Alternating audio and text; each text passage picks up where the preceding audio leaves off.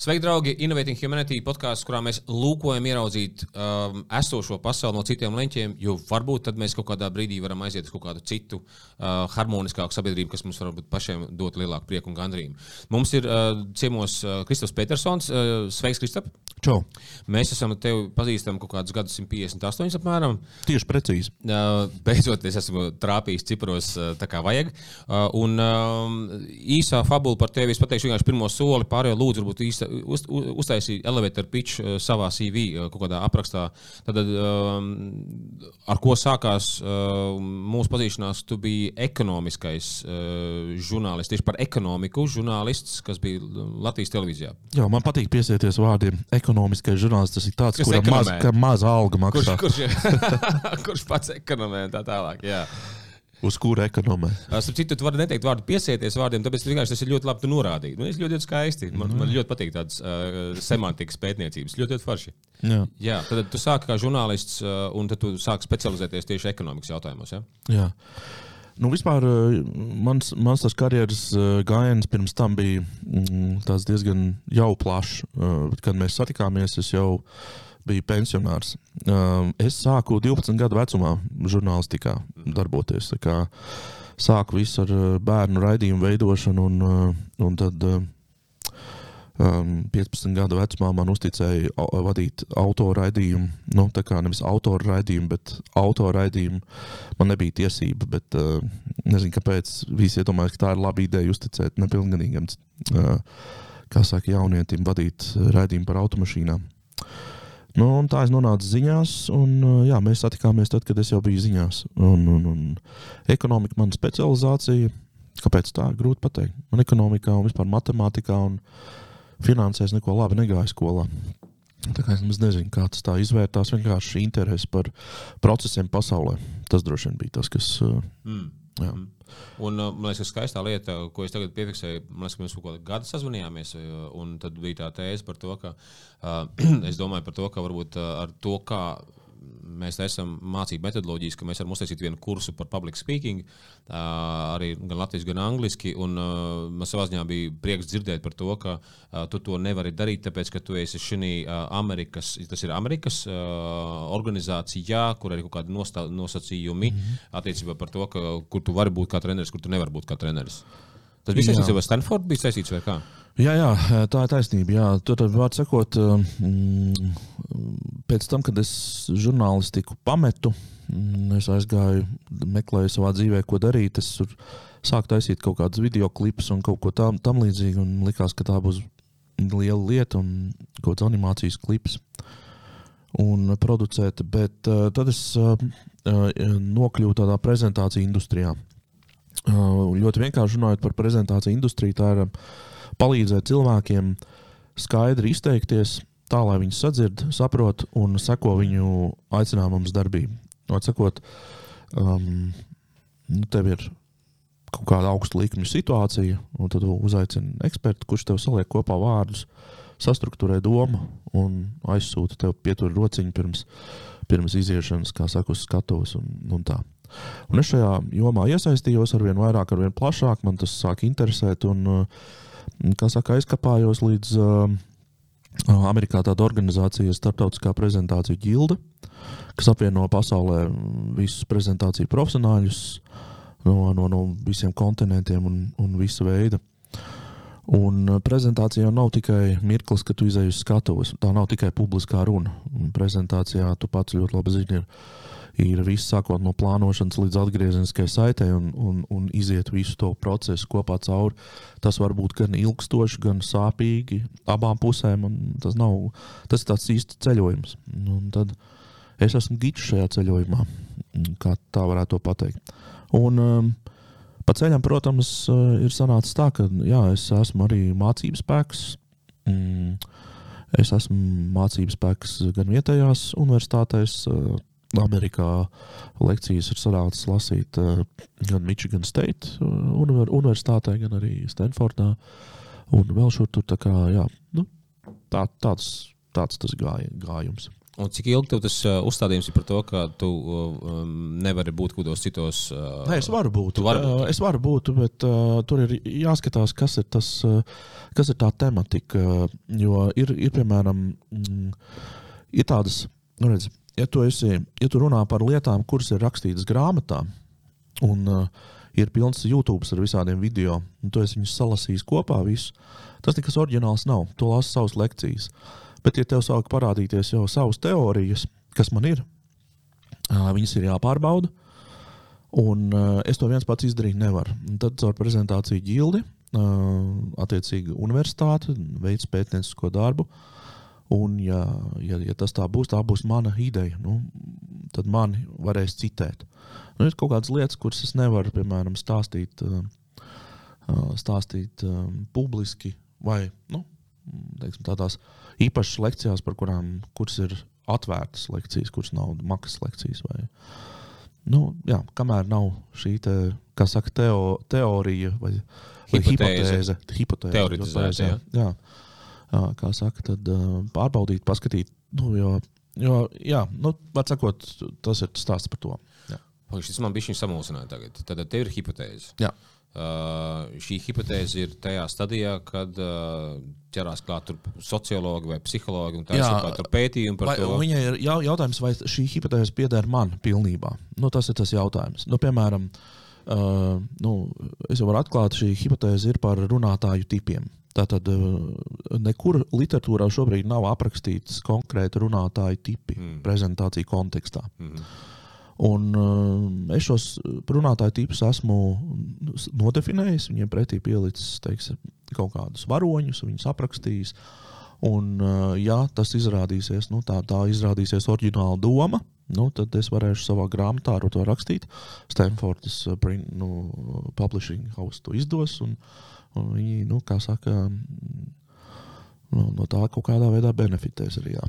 It kā tā nebija mūsu sarunas tēma, bet šī gadījumā tas man tiešām ieintriģēja. Tev ir iespēja tagad uh, kaut kādiem efēmismiem vai aplinkiem pateikt šos runātāju tipus. Droši vien viņi ir četri vai cik tev? Nē, viņi vairāk, viņi daudz ir. Neksim, nu viens no runātāju tipiem, tas saucamais profesors type. Jā. Es, piemēram, esmu profesors type, tipisks profesors type runātājs. Uh, kurš ir um, tāds, kurš māca visiem, kā dzīvot. uh, Tāpēc arī tam virtuvē ir pāris komentāri. Jā, jā tāds, kur, tāds, kurš, tāds, kurš māca visiem dzīvot, un viņš zina vienmēr taisnību, kā ir pareizi. Viss, un tā. Mm. Un viņš ir um, šāda, šāda tipa runātājs. Um, nu, Viņš parasti reti, kad dzird, ko apkārtējie runā, kā. Mm. Nu, viņam ir jāizslēdz savs empātijas otrais ātrums, lai, lai, lai, lai, lai, lai dzirdētu visu. Nu, piemēram, reāla situācija. Mēs ar draugiem piekdienas vakarā dzeram aliņu, es, mēs runājamies. Vienā brīdī es piefiksēju, ka tie čaļi, nu, viens skatās telefonā, viens pa loku kaut kur ārā. Un, zini, es sāku sevi klausīties tā no malas, izkāpu ārā mazliet, paklausos sevi no malas. Un, jā, pa politiku iet jau visi temati, visi par ģeopolitikā jābūt, ir kas notiek. Nu, es saprotu, nu, viņiem nav, viņiem garlaicīgi. Tas bija viņus atslēdzis. Ja? Nu, jā, man vajadzēja uzlikt citu sapuri, citu runātāju tipu, ja es gribu pieslēgties tur. Nu, tas tā prezentācijās ļoti bieži notiek. Tā galvenā problēma ir, ka mēs nemākam sevi iekšēji pārslēgt tos runātāju tipus. Ja oh. mēs esam, piemēram, viens runātāju tips un, piemēram, darbā, mēs aizējām uz, nezinu, vecāku, tur bērnu dārstu, tur vecāku sapulci, un mēs turpinām būt tas pats tips, kas mēs esam pa dienu, ja, automātiski. Nu, tā ir tāda cepura nomainīšana mm -hmm. šādā veidā. Kāds ir, kāds, kāds es esmu kā runātāja tips? Um, Tā. Tu esi komentējis pāris kaut kādas uh, konferences, kuras esmu bijis. Jā, Fuh, šis labs jautājums. Um, tu esi arī droši vien profesors tips. Jā. Mm. Okay. Drīzāk būtu profesors tips. Ka, uz ko tu vēl svārstījies? Uz kādu vēl variantu? Vēl um, tā, vēl varēja būt, ka tu esi. Ne, vēl starp citu, varētu būt arī mēdīju runātājs. Ko tas nozīmē? Media speaker. Uh, tas ir uh, runātāja tips, kuram pieder kanāls vai kuram pieder auditorija. Protams, viņam ir liels sekotāju skaits. Līdz ar to uh, viņš uh, bieži vien var nodot vienkāršu vēstījumu kā mēdījis. Nu, uh, viņš to sev arī tā uztver. Nu, piemēram, tipisks piemērs varētu būt Renārs Zeltiņš. Kurš, uh, kurš nav varbūt nerunā no naudas varas pozīcijām, viņš nerunā piemēram no, no, no, no populista pozīcijām vai vēl kaut ko. Viņ, viņš runā no tīra mēdīņa pozīcijas. Viņš ir tīri nu, tā, caurlaižs caur sevi kaut kādu informāciju, pieliek savu pievienotu vērtību tam visam. Un, nu, tu varētu būt dažos gadījumos arī media speaker. Jā. Mm -hmm. Okay. Man liekas, es vēlreiz atkārtošos, bet man ļoti patīk to reizi. Uh, jūs bijāt ar Oskaru, abi divi uh, skatījušies to celtspēju, laikam, ja tas bija tāds. Viens, viens bija tāds, jā. Un, tu, tu Oskars, nos... Oskars bija tas, kurš skaitīja. Nepiešķīja to man. Nē, bet tur bija kaut kāds cits stāsts par to, ka uh, jūs abi divi kā, uh, komentējāt uh, šo izdošanu, cik lektoriem ir sanācis vai nav sanācis tur uzstāties. Un, un man patīk, ka tu tur uh, salicis tur no, no, nezinu, no desmitās vietas līdz augšai. Tad, uh, trešā vietā tur tas, otrā vietā tas un Grand Prix ir uz Argusam. Es esmu ļoti priecīgs. Un tad ienāks. Oskars saka, ka tas viss pēdējā vietā. Tā bija pilnīgi izgāšanās, vai kaut kas tamlīdzīgs. Jā, ka tu man iedod Grand Prix. Un, kas arī zini, kas ir interesanti. Es domāju, arī kā, kā es tajā brīdī piefiksēju, ka, nu, kā darbojās tomēr tas novērtējums. Ja, piemēram, nu, es zinu, ka tu esi prezentācija nu, specis, kas iet cauri tām visām lietām. Es, es mācos uh, komunikāciju. Nu, komunikācija ir baigā māksla. Tiešām mm. tur ir ļoti daudz lietas. Un, un, uh, taču es nekad neesmu piegājis tam tieši kā prezentācijas speciālists. Un, ja tu man uh, saki, ka klausies Zārgus, tad tur Grand Prix, tur tu esi ļoti, ļoti labi to sadarījis. Tiešām bija prieks to dzirdēt. Paldies tev liels. Tas tā arī bija. Jā. Es pat varu pamatot, kāpēc. O, es domāju, tas ļoti interesanti. Jā, gribētu. Tad, ar to domu, ja tu stāst par, par mani, tad es domāju, ka citiem cilvēkiem varētu būt interesanti arī par kādiem principiem saprast. Jā, jā? es tieši par principiem jā, runāšu. Jā, man, nu, ne, ne, es tur kaut ko analizēju, ne, es arī atceros ļoti daudz, kas, kas tur bija. Nu, nu, tā, tāda. Bet tas, kas man ļoti patīk, ka tu biji ļoti tūs auditorijai. Tātad, uh, tu meklēji tuvu, tuvumu, tuvību ar auditoriju tā, kā neviens cits to nedarīja. Uh, parasti klasiski mēs uznākam augšā uh, uz skatuves, un mēs esam dzīvojam savā galvā. Man jāatcerās mans teksts. Vai arī man jāatcerās mans teksts, jā. vai es arī skatos uz slaidu un es mēģinu atcerēties, kas tur mm. bija, kādā secībā. Mm. Var sakot, es esmu sev, es esmu pārņemts un ar savu mm. tēmu es esmu pārņemts. Un, un, un, un, un es, pie, piemēram, ļoti bieži pieķeru arī sevi um, tajā situācijā, ka auditorijas kaut kā, nu kā es viņus tā īsti nepazīstu. Nu, es stāstīšu savu lietu, gan jau ka viņi kaut kādā brīdī pieslēgsies, un mums tas kontakts un ķīmija radīsies. Bet tu esi tāds, kurš, es nezinu, vai vienmēr, bet, um, bet tajā tieši konkrēti reizē. Tu ar pirmo minūti, pirmo īstenībā uzstāšanās brīdi jau bija auditorija. Tu viņu varēji just, kā un varēji redzēt, kā viņi pilnīgi viļņojās. Ja? Uh, Es nezinu, vai tu apzināti labi strukturē, nu tā mākslinieks strukturēt, kur tu joku pasaki, kur tu ko, ko dari, vai tu zīmē pats sev kaut kādas formulas un kaut ko tādu. Vai tas tev tā dabiski sanāk, bet tas arī ir ļoti labs. Kas ir interesanti, viena no dīvainām lietām, ko es uh, dažreiz, kad skolotājiem strādāju, un vai vienkārši vispār kādiem vadītājiem, ja man ir jautājums par to, vai tu zini, ka tavs uzdevums ir aktivizēt cilvēku smadzenes. Mm. Tas ir tavs uzdevums. Tavs uzdevums, kad tu aktivizēsi šīs smadzenes, tad cilvēks arī dzirdēs tevi. Ļoti pareizi. Un šī iemesla dēļ, ka mums aktivizējās smadzenes ar kādiem principiem, viens banālais princips ir jautājums. Tur viens paradoks, kaut kāds aizsardzības, aizsardzības mehānisms. Es kaut ko tev paprasu, vienkārši man automātiski tas, ka manas smadzenes sāk meklēt jautājumu. Ja nu gadījumā man publiski paprasīs no tālāk projām, un uh, tas ir no vienas puses, un otras puses man tā ir aizsardzības reakcija. Es esmu ļoti tāds uh, cilvēcības cilvēks. Man mm. vajag cilvēcisko kontaktu. Es nevaru būt mašīnāls, robotisks. Jā. Un, kad tu redzi cilvēkus, tad uh, man vajag šo cilvēcisko kontaktu. Jā. Vēl starp citu, tagad uh, Amerikā tieši jā, ir šie arī gan pētījumi, gan, uh, gan mums ģildē. Mēs par to daudz runājam, ka tieši skolotāji skolotājiem un pasniedzējiem. Viņi, nu, viņiem ir tas uzdevums kairināt tās auditorijas vai to studentu skol, skolēnu neokorteksus, lai viņi domā ļoti pareizi, ko tu saki. Tātad, tā, um, ja, ja es visu laiku runāju ar tevi tādā monologā, Tu visu laiku uzdod sev jautājumu, vai es šo saprotu, vai es šo nesaprotu. Tātad, vai, man, vai tas man ir jēdzīgi vai nav jēdzīgi, ko viņš tagad stāsta. Un visu laiku šķiro vienā kastītē, otrā kastītē. Nu? Kā, un un beig, beig galā, tad, kad es šo monologu esmu pabeidzis, uh, nu, tu atceries apmēram, par ko mēs runājam, bet tu ļoti precīzi vairs nevari citēt ne mani, ne, nekā, tāpēc, ka tu esi salīdzis pa tādām kastītēm. Tajā brīdī, kad es tev uzdodu jautājumu un iesaistu tevi, ja, tajā brīdī tu sāc vēl vilkt ārā no savām pagātnes kastītēm, sāc runāt, verbalizēt uh, to savu domu. Un tajā brīdī, kad, brīdī, kad mēs sarunājamies, tajā brīdī tu jūties pirmkārt iesaistīts, otrkārt, tu vairāk atceries no tās sarunas. Nu, tas jau ir pierādīts. Tur mm, smadzeņi, tu jau pats lasīsi tos pētījumus un zini. Bet, uh, tāpēc tas ir tas, kas ļoti fundamentāli atšķīra tevi no pārējiem runātājiem tieši tajā reizē. Nu, tu, tas, un, un, un vēl kas man ļoti bija saviņoja, bija tā struktūra. Tev bija Uh, vai pasakot, vai es varbūt kļūdos, bet tev bija īstenībā tāds nošķīrāts laiks. Tev tur nebija piln, pilns laiks dots uh, runāt, tev bija nogriezts kaut kāds laiks tev bija, tev bija jāpasteidzās. Nebija tā? Man bija cits stāsts, man liekas, ka uh, es zinu pētījumus par to, ka cilvēkiem, kad viņiem ir zemes glukozes līmenis, tas nozīmē, ka cilvēki nav pēduši konferencēs. Uh, tas ir laiks, kad principā cilvēks tev nedzird. Jā. Un tā iemesla dēļ, uh, ja man aicina uz konferencēm, es vienmēr prasu, cikos man jāuzstājas, Jā, un es pielāgoju savam uzstāšanās laikam saturu. Jā.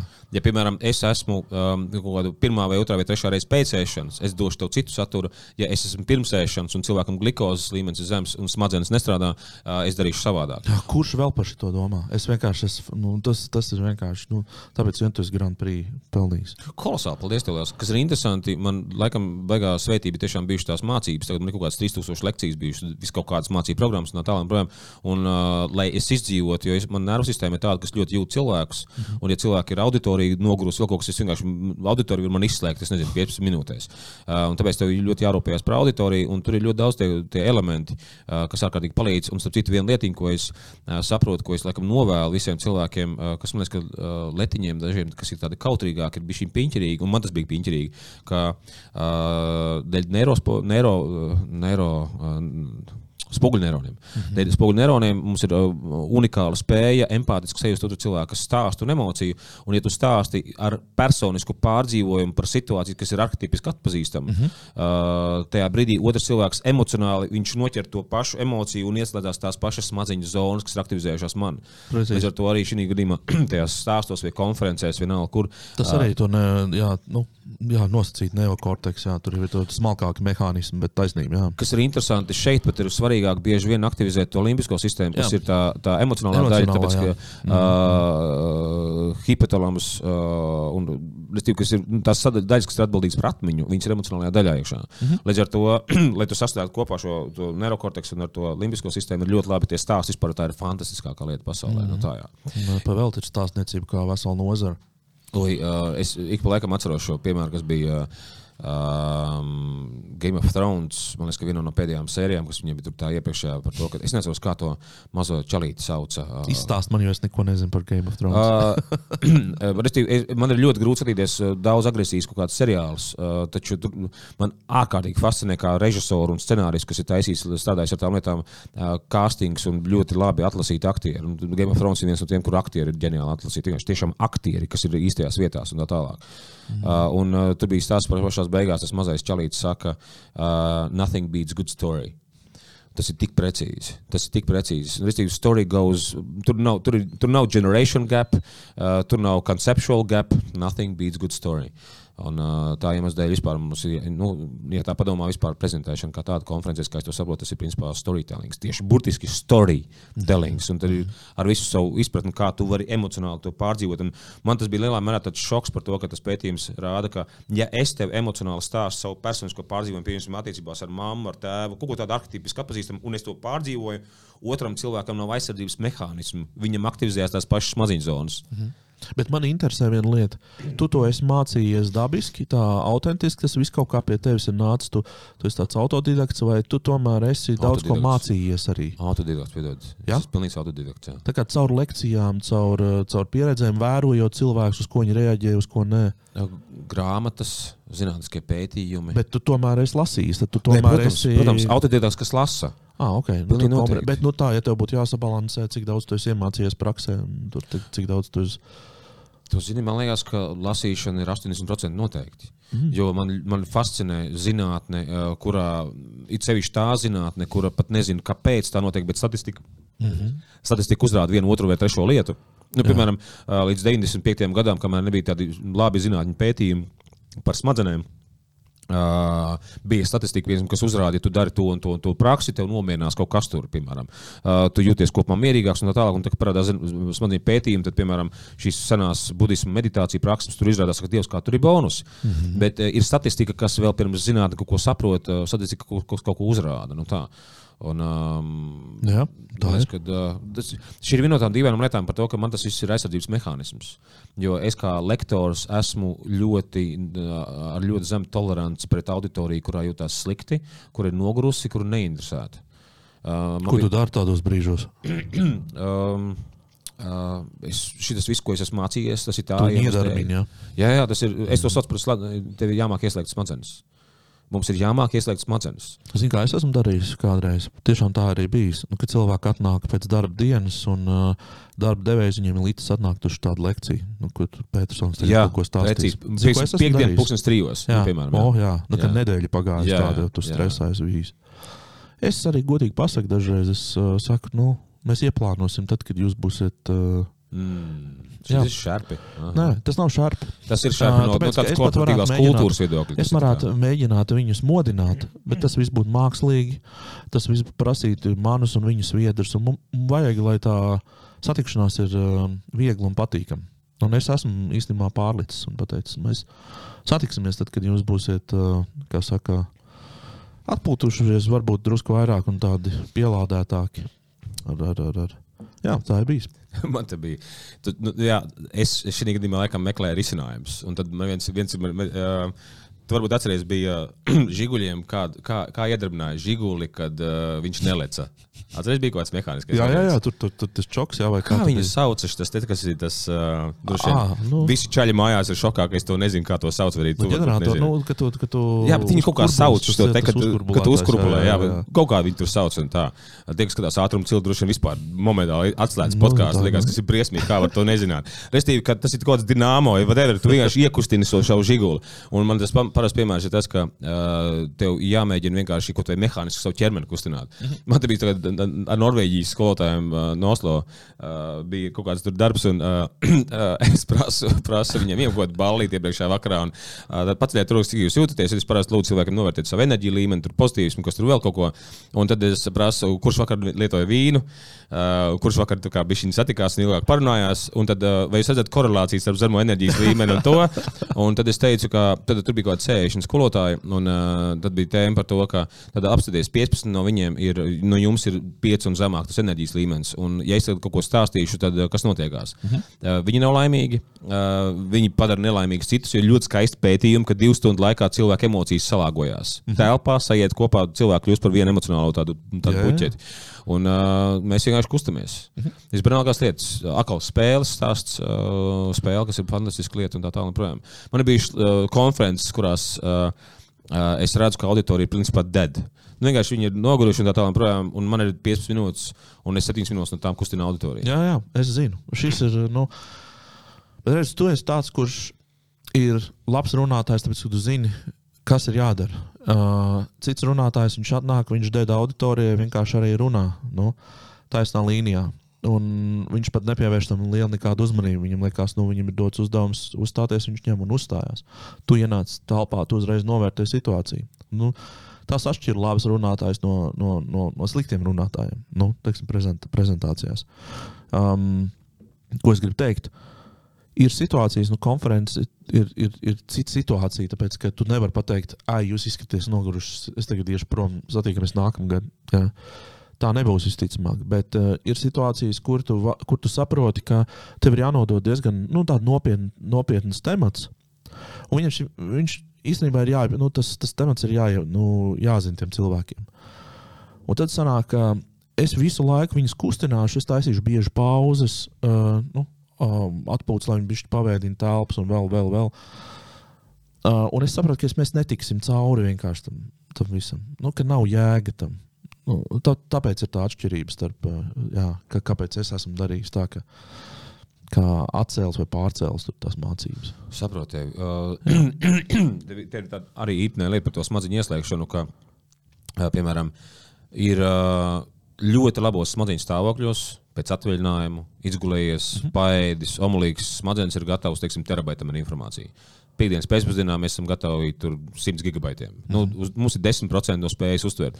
Un tad ir tas stāsts par to, ka uh, un tas, tas, ko es varu pateikt, man liekas, ka nu, vien tu to zini intuitīvi, arī zini pētījums par to, ka, ja mēs sākam dot informāciju, kas ir par daudz, ko cilvēks nevar uztvert, uh, tad, principā, mēs esam agresīvi pret cilvēku. Tā ir agresija. Tas, kā es to Agresija, uztveru, tā ir burtiski agresīva. Es mēģinu iestumt to informāciju, jā.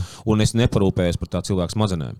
Un man kaut kādā brīdī pašam ļoti īpnē pārsteidzās, kad es darbojos ar skolotājiem, ka um, um, tad pēc manas saprašanas skolotājiem ir, es zinu, ka skolotājiem tas nepatīk kaut kādā brīdī to dzirdēt, bet skolotāja atbildība ir ieslēgt skolēnu smadzenes. Jo tad tu gribi iedot to matemātiku, tu gribi iedot bioloģiju, tu gribi iedot vēl kaut ko. Un tad ir paradoks, tad rekusēs tas skolēns. Viņš nav izgulējies, viņš nav paēdis, viņam, viņš ir pūcīgs, viņam nepatīk tur kaut kas, viņam ir sirsnīgs šobrīd salūzus, vai vēl kaut kas tamlīdzīgs, kaut kas traks ir noticis, un šobrīd viņš nav gatavs mācīties. Un tu viņam dod to informāciju, un uh, rekai problēma. Viņš to agresiju, kas būs, tā nāks uz skolotāju pretī. Jā. Līdz ar to tev jāsāk tādā veselīgā egoismā, jāsaprot, tad, lai es paglābtu sevi, man ir jāieslēdz tā skolēna smadzenes, un tad viņš gan mācīsies, gan arī dzen, palīdzēs visiem pārējiem.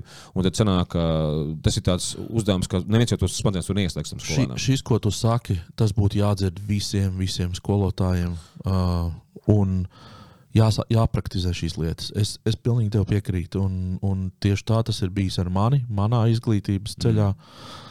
Uh, pilnīgi var salīdzināt um, ar, ar, ar, ar, ar, ar universitāti ja, un skolu, kurā es mācījos, ja, uh, vidusskolā vai, vai pamatskolā. Kādas tās ir atšķirības? Kad tev strādā pie no pasaules līmeņa pasniedzēji, ja, kuri redz, kas notiek telpā. Mm. Viņu, viņu, viņiem ir vēlme saprast. Tā pirmkārt jau ir vēlme saprast, kas notiek telpā. Ja. Mēs esam ar pasniedzēju vienkārši puslekcijā. Pus nu, viņš saprot, ka nu, te nebūs āršana. Es jums visiem uzsaucu cālu, ejam lejā uz bāru dzert. Mm.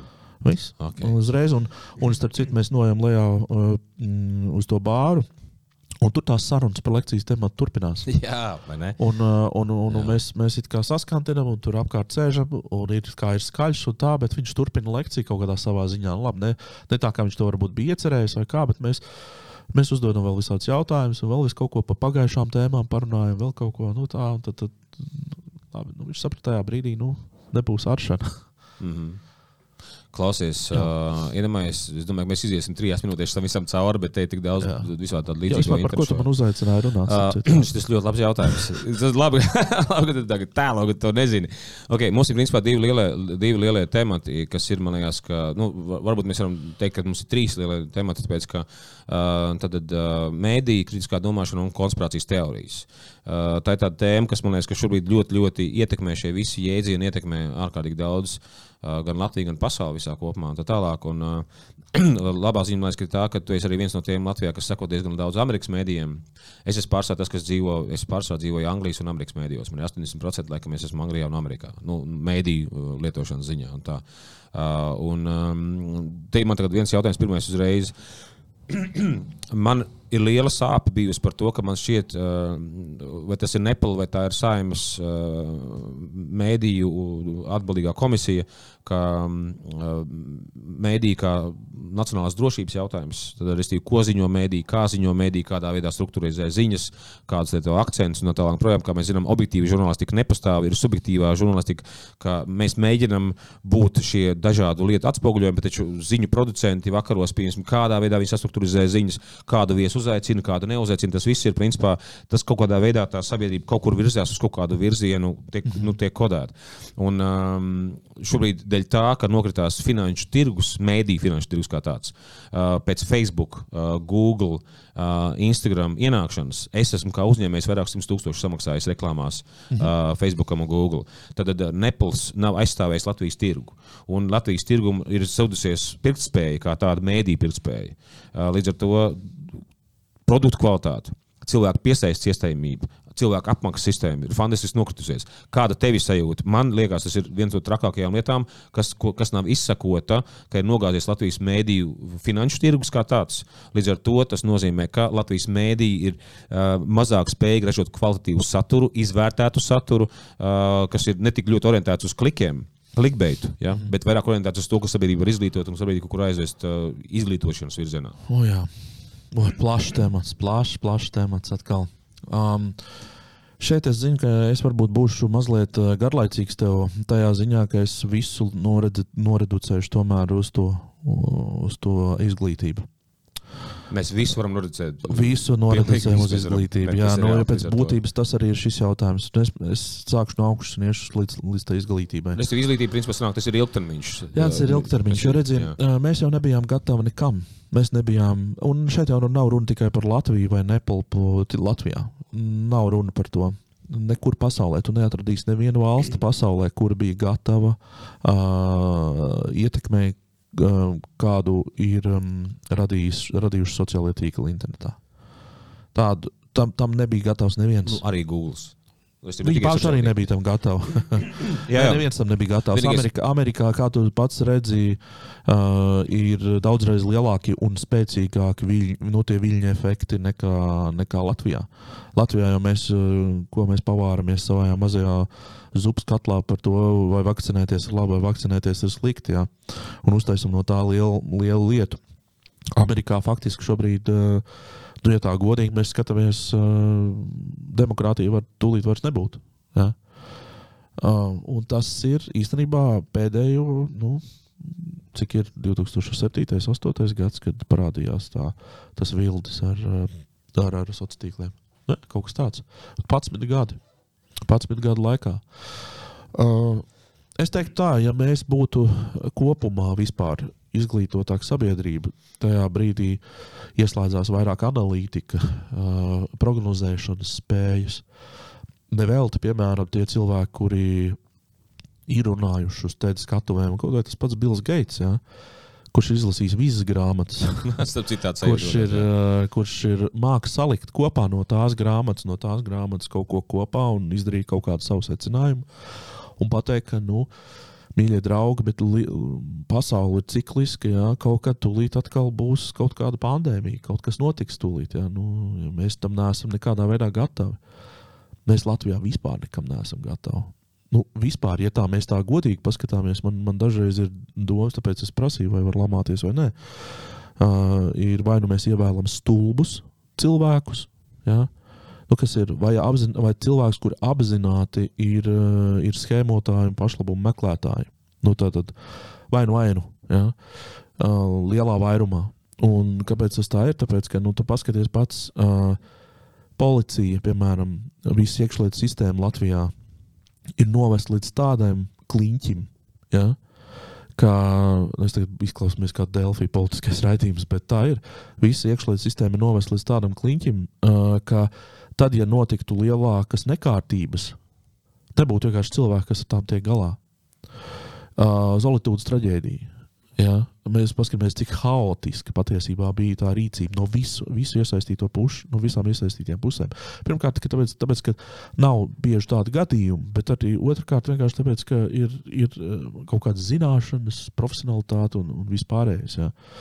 Um, tas pats stāsts, es nezinu, civila aizsardzība, kāda mums ir. Ja, ja sāktos, teiksim, pēkšņi plūdi kaut kāda, ko mēs darītu? Mēs zinātu, kur rīkoties, ko darīt, kur jāiet, kas, kas jāieslēdz, kas jāklausās, nu, vai ne vispārējais.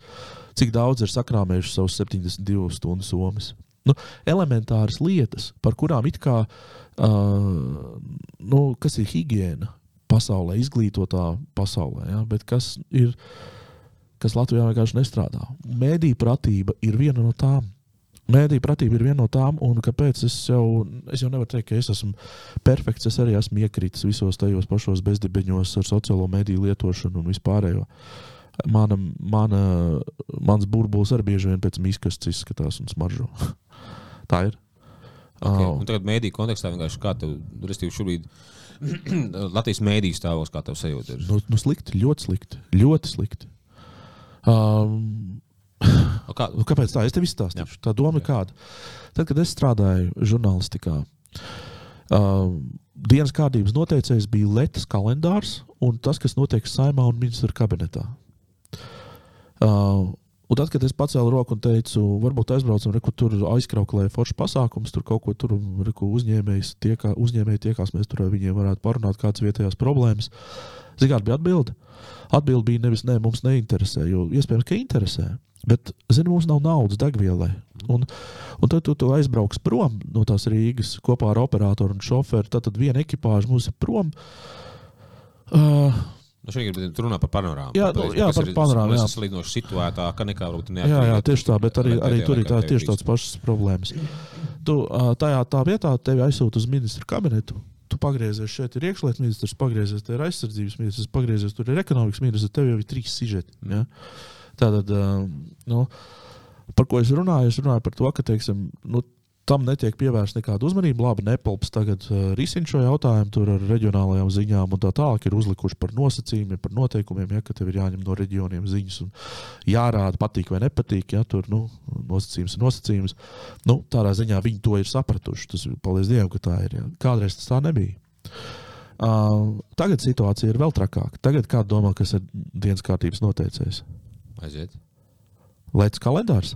Nē. Tas, ko Rinkēvičs Twitterī pateica šorīt, tas, kas Twitterī aizgāja, tas, ko, tas kas ir Facebook līnijās. Tad žurnālisti seko vairs netik daudz līdzi uh, notikumiem caur uh, prizmu, kas ir teiksim, nu, uh, profesionāli sagatavota kaut kāda dienas kārtība, oficiālā dienas kārtība. Bet bieži vien kaut kādu emociju ietekmē ierakstīts tvīts vai vēl kaut kas. Viņi uz to paķerās, viņi to velk, velk, velk, viņi to domu izvelk, un viņi faktiski daudz ko salipina apkārt nu, uh, uh, ap to tvītu. Un uzstājas sižetu no tā, ka patiesībā tas interesē, nu, vai, vai tas skar tur tiešām netik daudz cilvēku. Nu, es varbūt neveiklu piemēru iedevu, bet jau dien, dienas beigās uh, tas ir sociālai tīkli, kas nosaka mediju dienas kārtību lielākā vairumā šodien. Nu, lūk. un tad, protams, ir visādas intereses. Latvijā es, es zinu, ka es izsaukšu sevi tagad dugunu, bet es to pateikšu. Latvijā žurnālisti, daudzi žurnālisti, daudzi žurnālisti saņem naudu. No, no, nevis algā, bet, bet joprojām žurnālistiem tiek maksāts par rakstiem, par, par, par sižetiem.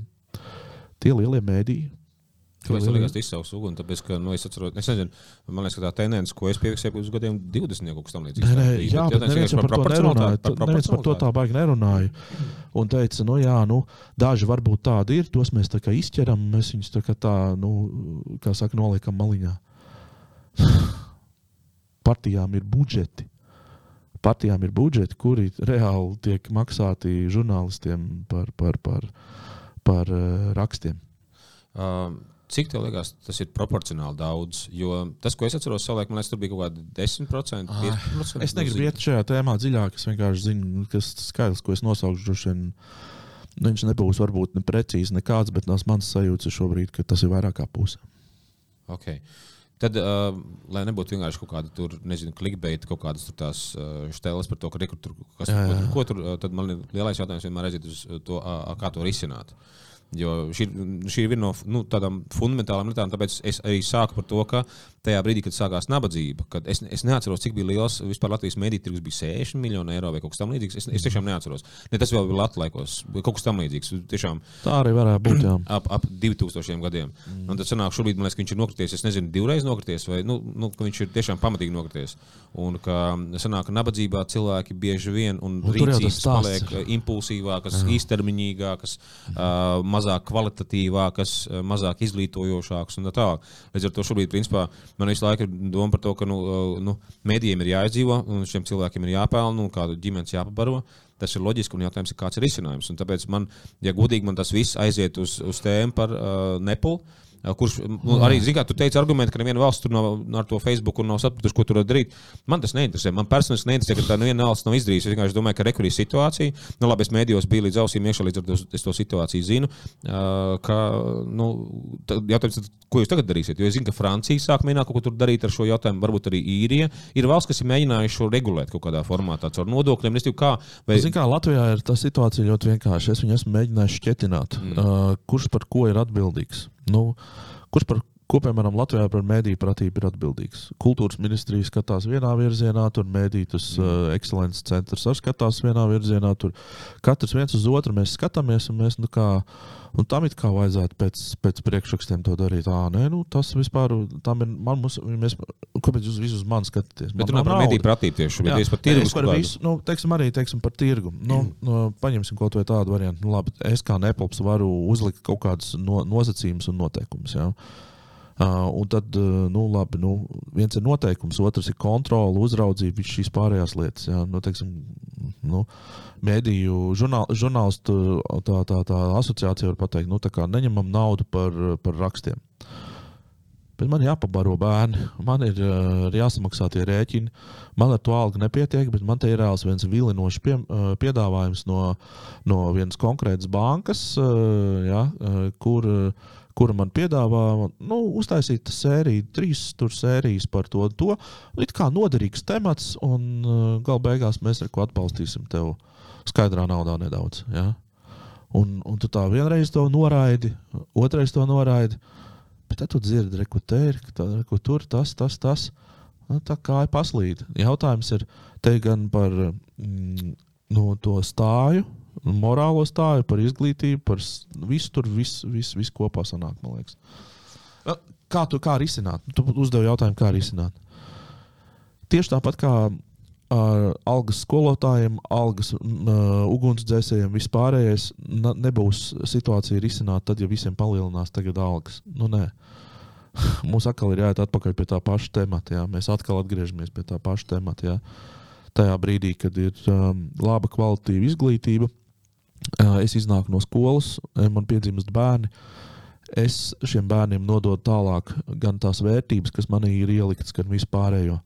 Es kā, teiksim, ja, ja man ir vecāki, kuri izgājuši cauri šādai te, uh, caurumo, caurumainai teiksim, sistēmai, viņi man neko labi īsti iemācīt nevar. Nu, uh, Viņi man kaut kādas druskas iedod, pārējos skatos, kas pasaulē notiek, un es kaut kādā veidā pieķeros tai kopējai vidējai vērtību sistēmai un viņā operēju.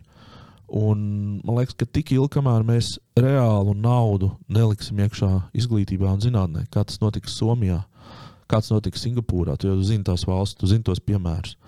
Uh, tik ilgi, kamēr mēs reāli mērķiecīgi neinvestēsim šajās jomās. Nu, it īpaši, teiksim, pirmais, kas mums ir jāizdara, ir jāpa, jāpaceļ skolotāju uh, darba prestižs. Ja? Uh, kā to var izdarīt? Reāli 4-5 tūkstošus uz rokas. Nu, tas ir sākums. Un es, es reāli es, es nebaidos no tiem vārdiem. Tieši tā, 4-5 tūkstoši uz rokas šajā, šajā ekonomikas situācijā tad sāks atlasīties labākie no, no, no, no, no, no švakākajiem. Mēs sāksim būvēt to sistēmu. 10, 20 gadi mēs tur būsim. Vienkārši tas, ka visi Latvijā skatās baigā īstermiņā. Politiķi, es pats arī īstenībā, nu, mēs arī visu laiku gribam ātrus rezultātus. Es jau gribu, lai mans bērns tagad ir kvalitīvi izglītots, ne jau pēc 20 gadiem, kam tas vairs būs vajadzīgs. Ja es jau sen būšu zem zemes vai tur kas. Redz, nu, un, un, un tur, arī, tur arī mēs reāli apstājamies nu, kad ir plāni varbūt lieli, bet, uh, bet, bet, bet tā rīcība neseko. Tāpēc uh, mans tas ieteikums, kā to risināt ilgtermiņā, īstermiņā to atrisināt nevar. Ilgtermiņā tikai vienīgi ieguldījums izglītībā. To aizmīgi. Galīgi neaizmīgi, tāpēc ka um, dzīves process aizgāja.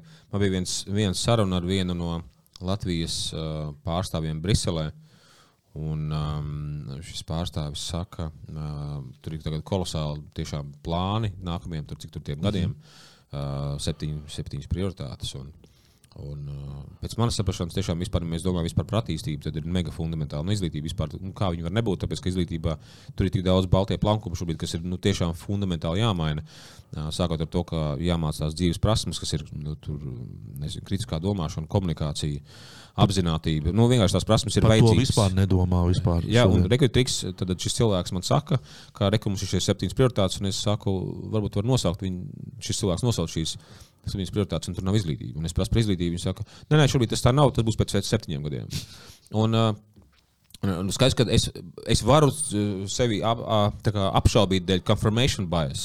Nu, kad es tagad gribu tikai pateikt, ka izglītība ir tā tēma, tāpēc es pats viņā esmu šobrīd 11 gadus, un es strādāju kā, kā mācību treneris un kā uh, skolotājs kādām metodēm. Tā tālāk, un es ar skolotājiem diezgan daudz strādāju. Mm -hmm. Un uh, tas, ko es saprotu, ka es varētu vilkt to deķu uz to pusi, taču pēc loģikas viss aiziet uz turieni.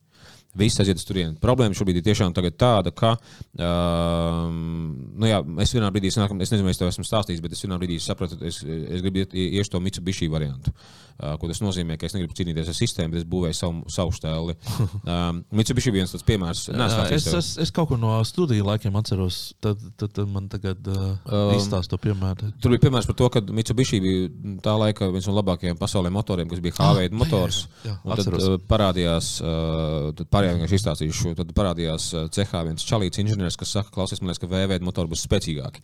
Uh, un tas čalīts aiziet pie, pie šefa, tajā inženieru cehā, un saka, ka klausies, brīžam VV motors. Uh, tas ceha šefs sajūt apdraudējumu, uh, status apdraudējums, un ka tu neesi pietiekami kvalificēts, tu ne, ne to īsti saproti. Tas nu, tiek noliekts pie malas, tas jaunais čalīts. Uh, un jaunais čalīts ir neatlaidīgs, un viņš aiziet pie lielā CEO. Mm -hmm. Un CEO tagad domā, tā, mums tas VV motors tiešām būs labs. Ko tagad izdarīt? Un kā izdarīja, pateica tam lielajam nu, tam, tam uh, inženierim, kurš bija apdraudēts ar statusu. Klausies, lai tas jaunais vienā stūrī plosās. Atdod nu, viņam ja viens stūri, iedod viņam vienu garāžu, lai viņš tur plosās. Un pēc gada ir VV motors un HV motors, divi motori. un es saprotu, ka es negribu tērēt enerģiju uz to.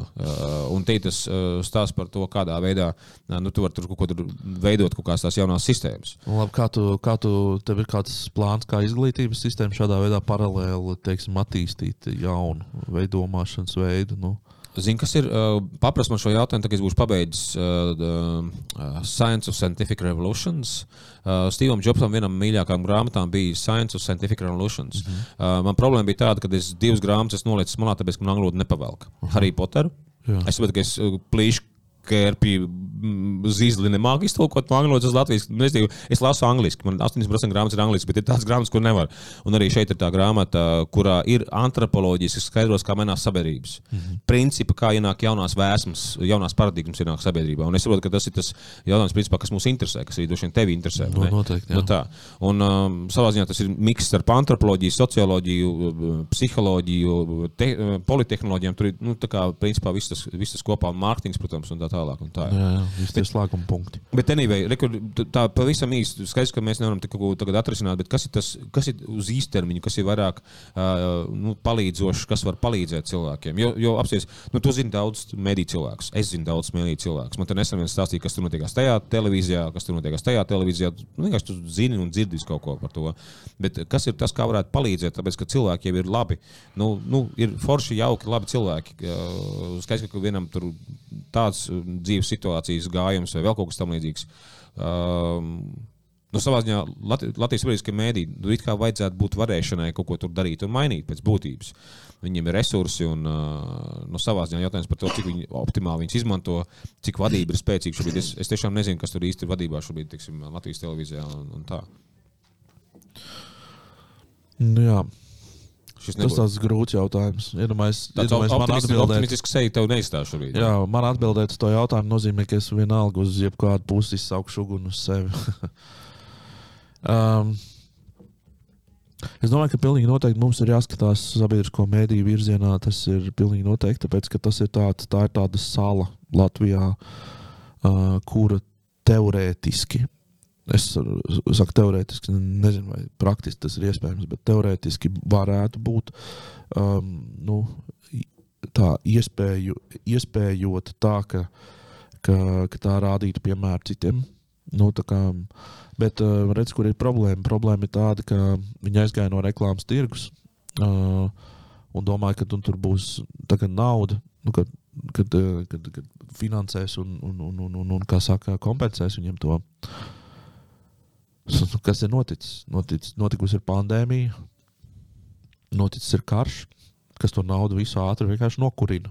Nu, visu, nu, tu, to, to, kas ir, to, kas bija paredzēts attīstībai, to, kas bija paredzēts. Nu, kā tas nokurināja? Piedod, kā tas nokurināja? Budžets kā, kaut kur pamainījās. Nu, jā, budžets vienkārši, nu, kā, nu, jā, jā, jāatspoguļo tās ziņas un viss, un jābrauc uz turieni. Un korespondenti un viss, un tur jau tas viss pasākums ir ļoti dārgs. Viss, uh, viss nokur, nokurinās naudu vienkārši tajā, tajos virzienos. Um, un, nu, kā parasti, nu, saka, nu, oi, šis ir vēlēšana gads. Nu, tas nozīmē, ka nu, um, nauda aizies uh, visādām diskusijām, visādām tur, uh, visādiem jauniem produkcijiem, vēl vis kaut kas. O, šis ir Olimpisko spēļu gads. Ah, nu, atkal būs jābrauc uz Japānu 20 cilvēkiem, vai, vai, vai vēl kaut kas, vēl kaut kas. Ja? Tad, nu, ir tādi, nu, vismaz lielas investīcijas. Jā. investīcijas jā. Mm -hmm. Nu, es nezinu, man ir grūti pateikt, jo nu, man liekas, ka ar algu palielināšanu tur vajag nekas nemainīsies. Tad drīzāk vajadzētu tiešām uztaisīt tādu, uh, tādu kadru tīrīšanu. Un arī man šeit nav nekāda padoma. Es nezinu, vai sākt ar augšām, vai sākt ar apakšām, vai kādā šķērsgriezumā skatīties, kā to vērtēt un vispārējo. Jo, nu, Jā. Šis ir grūts jautājums. Īstermiņā man liekas, to atrisināt īsti nevar. Tieši tāpat kā tur nevar atrisināt uh, fundamentālus uh, jautājumus izglītībā, iekšlietās, uh, aizsardzībā un tā tālāk. Kas ir interesanti, es šeit, tagad, tā, klausoties tevi, aizēju uz to visprimitīvāko lietu pasaulē, kas ir stāsts par vadītājiem. Um, un uh, pateikšu, piemēram, nu, mēdījos man visas šādas pieredzes ir bijušas. Un, uh, man bija viena pieredze ar vienu komercmediju, kurā es atceros, uh, mēs ar laikā vēl ar savādniekiem kaut ko tur, kaut ko tur bijām uzķimerējuši, kaut ko kopā. Nu, varētu kaut ko tur vēl uztaisīt. Un, um, mēs kaut kādus scenārijus esam saķimerējuši, nu, kaut kādas idejas, kaut kādas mm -hmm. skices. Tur liekas, tie ir labs materiāls. Un, un tur kaut kādā brīdī mums, uh, man ir kaut kāda saruna ar, ar televīzijas pārstāvjiem. Un tie televīzijas pārstāvi, kaut kādas jaunas meitenes, viņas sāk komentēt to scenāriju. un, uh, es, es sākumā vispār nevarēju saprast, kas man tur nelīmējās. Es tiešām nemācīju nosaukt vārdā. Vienkārši nemācīju nosaukt vārdā. Man bija kaut kāds šoka elements, laikam. Un tikai pēc kādiem gadiem es padomāju, bet šie cilvēki taču nesaprot, ko nozīmē satīras formāts. Viņi nesaprot, ko nozīmē scenārijs, viņi nesaprot, ko nozīmē skices. Viņi nesaprot, kā tas nozīmē režisoriski. Man dažkārt, es atceros, bija, bija piemērs, kad Cipnieks vai Kraus kaut kādā brīdī, kad es kā režisors darbojos, viņi saka, mēs tur filmēšanas laukumā vispār nesaprotam, kas tur notiekās. Un tad pēc tam, kad ieraugt to, kā tas izskatās montāžā, ah, ok, re, kā tas izskatās. Un tā. Un, uh, es, tur, es aizgāju uz tādu tā kā, problēmu par, uh, ok, tas ir kritiskā domāšanas jautājums un, un uh, intelekta jautājums. Uh, Man bija arī ar Latvijas televīziju, es atkal necaukšu vārdos, bet es bija viens materiāls, kur es palīdzēju producēt. Un, Es parādīju to skici. Man liekas, ka bija labi uztaisīts, tiešām labi uztaisīts materiāls. Un uh, tas uh, Latvijas televīzijas cilvēks, kas skatījās to materiālu, teica, ka viņš pateica, ka tur nav režijas. Un tas, ko es saprotu, nu, tas ir nu, pilnīgi neprofesionāls vērtējums. Nu, pilnīgi, pilnīgi neprofesionāls. Un skaidrs, ka uh, es nedrīkstu teikt, ka tas bija kaut kas ģeniāls. Mm -hmm. Bet nu, tur bija ļoti forši, smuki, nu, tiešām, tiešām mm -hmm. uh, labi sataisīts materiāls. Un um, es varētu teikt, ka neprofesionāli. Un te es aizietu līdz tādam dīvainam lietai par to, ka, ja gadās labs vadītājs, kaut kādam procesam. Tad labais, labs vadītājs, uh, viņš var ieviest kvalitātes kultūru, viņš var ieviest profesionālitātes kultūru kā tādu. Un tad man ir jautājums, vai Latvijas televīzijā ir bijuši labi vadītāji? Kāda ir bijusi labi vadītāji? Nu, tā. Nē, ir, es nevaru teikt par visiem. Noteikti ir bijuši labi vadītāji. Man, man pašam arī nācies uh, saskarties Latvijas televīzijā arī ar labiem vadītājiem. Bet tā problēma ir, ka viņi ir mazākums. Um, un, uh, Un, zini, kā vēl ir viena lieta, tad, kad tu iesēdies ilgi tajā krēslā, Uh, es, piemēram, arī savā biznesā ļoti šo um, uh, praktizēju. Ka es neļauju cilvēkiem daudz aizsēdēties vienā kaut kādā, nodarboties ar kaut kādu lietiņu. Viens tas tev ļoti sašaurina vispār redz, redzes loku, otrs, kas arī tev, tev viņu. Nu, tev iedod tādu vārdu pozīciju, nu, ka tev liekas, nu, es jau es šeit esmu bijis 6, 7 gadus. Es, nu, kurš man te atnāks jaunais un izēdīs? Nu, neviens nesaprot to sistēmu tik labi kā es. Mm. Un, un, un, un tādā ziņā. Tā kā es teiktu, jā, ka tā ir viena liela problēma. Ka, jā, mums vajag, piemēram, ziņu dienas vadītāju noteikti vajag mainīt uh, biežāk nekā Latvijas televīzijā to dara. Pilnīgi noteikti. Tam vajadzētu būt arī caurspīdīgākam amatam, līdzīgi kā tas ir BBC. Nekā tas ir Latvijā, kur mēs, mēs īstenībā tur, tur, nu, tur maz nezinām, kas ir Latvijas televīzijas ziņu dienas vadītāji. Visai Latvijai to vajadzētu zināt. Mm, tāpēc, ka svarīgs amats. Tas ir, tas ir, tas vēl, ir vēl, viens no vēlēšanas ietekmējošākajiem amatiem. Tieši tā, piemēram. tieši tā. Tas ir uh, ļoti, ļoti uh, ietekmīgs amats. Jā. Un mēs, redz, liel, nu, es, protams, zinu, bet nu, cilvēkā ārā, kurš tur varētu nosaukt, kas vada ziņdienestu. Mm. Jā, es tikai zinu, ka es nesen apstājos, kas ir Latvijas televīzijas vadītājs. Es pat nezinu, es zinu vienu to, vienu to cilvēku, kas ir valdē, jā, un uh, otru cilvēku, kas ir laikam vadītājs. Es vispār nezinu. Redzi, viņi šobrīd tur ir tas, tas vadītājs, kas ir Latvijas televīzija, ir finanšu vadītājs. Viņš principā ir finansists, viņš vada finanses priede. Jā, īpaši laikam viņam bija. Mm -hmm. wow. Un, uh, tas nozīmē, ka viņš uz visu attīstību televīzijā skatās caur finanšu prizmu. Un it kā jau pareizi viņš to dara, bet nu, kā tāds uh, vadītājs visam lielajam kuģim tam tā nevajadzētu būt. Uh, tad tam skatījumam būtu jābūt plašākam. Uh, Kas ir interesanti, ja, es, ja, ja nu labi, man ir bijis uzņēmums ar 60 darbiniekiem, es zinu, ko nozīmē struktūrēt uzņēmumu, tad uh, savā ziņā tas nav slikti, ja tas ir finanšu cilvēks. Jo finanšu cilvēkam atslēga ir pēc būtības, ja tu esi tiešām kā saimnieks kaut kam, tad ir atslēga atrast efektīvākos ah. cilvēkus. Jā, jā. Ja sanāk, efektīvs cilvēks tev ekonomē, ekonomē uh, optimizē procesus kā tādus. Mm -hmm. Tur nav tā, ka viens iesprūdīs to pogu, vēl kaut kas tur vienkārši tur var optimizēt procesus, un tad viņš arī nodrošinās to kvalitāti. Cits jautājums, protams, vai, vai viņš to saprot, kā tas notiekās, vai viņš, vai viņš to nu, ir gatavs. Man, piemēram, ir, nu, es esmu savā uzņēmumā nu, nosacīts tāds tā kā līderis, jā, līderis. Man tā gribētos domāt. Labāks vai sliktāks to lai vērtē citi, bet teiksim, finansēs es visus lēmumus nepieņemu. Man ir Igaunijā uh, grāmatveda Dorisa, ja, kur man visu laiku skatās uz pirkstiem, un kur uh, reāli nu, ir lietas, kuras pat arī tad, ja esmu īpašnieks, uh, vienkārši man neļauj darīt. Mm. Viņi man izskaidro. Nu, es tajā brīdī varbūt viņai nepiekrītu, bet nu, es ļaujos, tāpēc ka es uzticos, zinu, ka viņi zina, ko viņi dara. Un, un tā. Es varētu uzlikt veto un pateikt, nē, es tomēr pirku šo lietiņu, ja? bet nu, es tā nedaru. Nu, es nezinu, nu, tā ir tāda savstarpēji tāds, tāda, nu jā, tāda, kā veidojās par organizācijas. Nezinu, kā mēdījos arī vajadzētu droši vien būt tādiem. Tādai vadības komandai, kur to spēj. Starp citu, es gribētu, man liekas, ja mēs runājam par sabiedriskiem mēdījiem, tieši uzteikt Latvijas radio.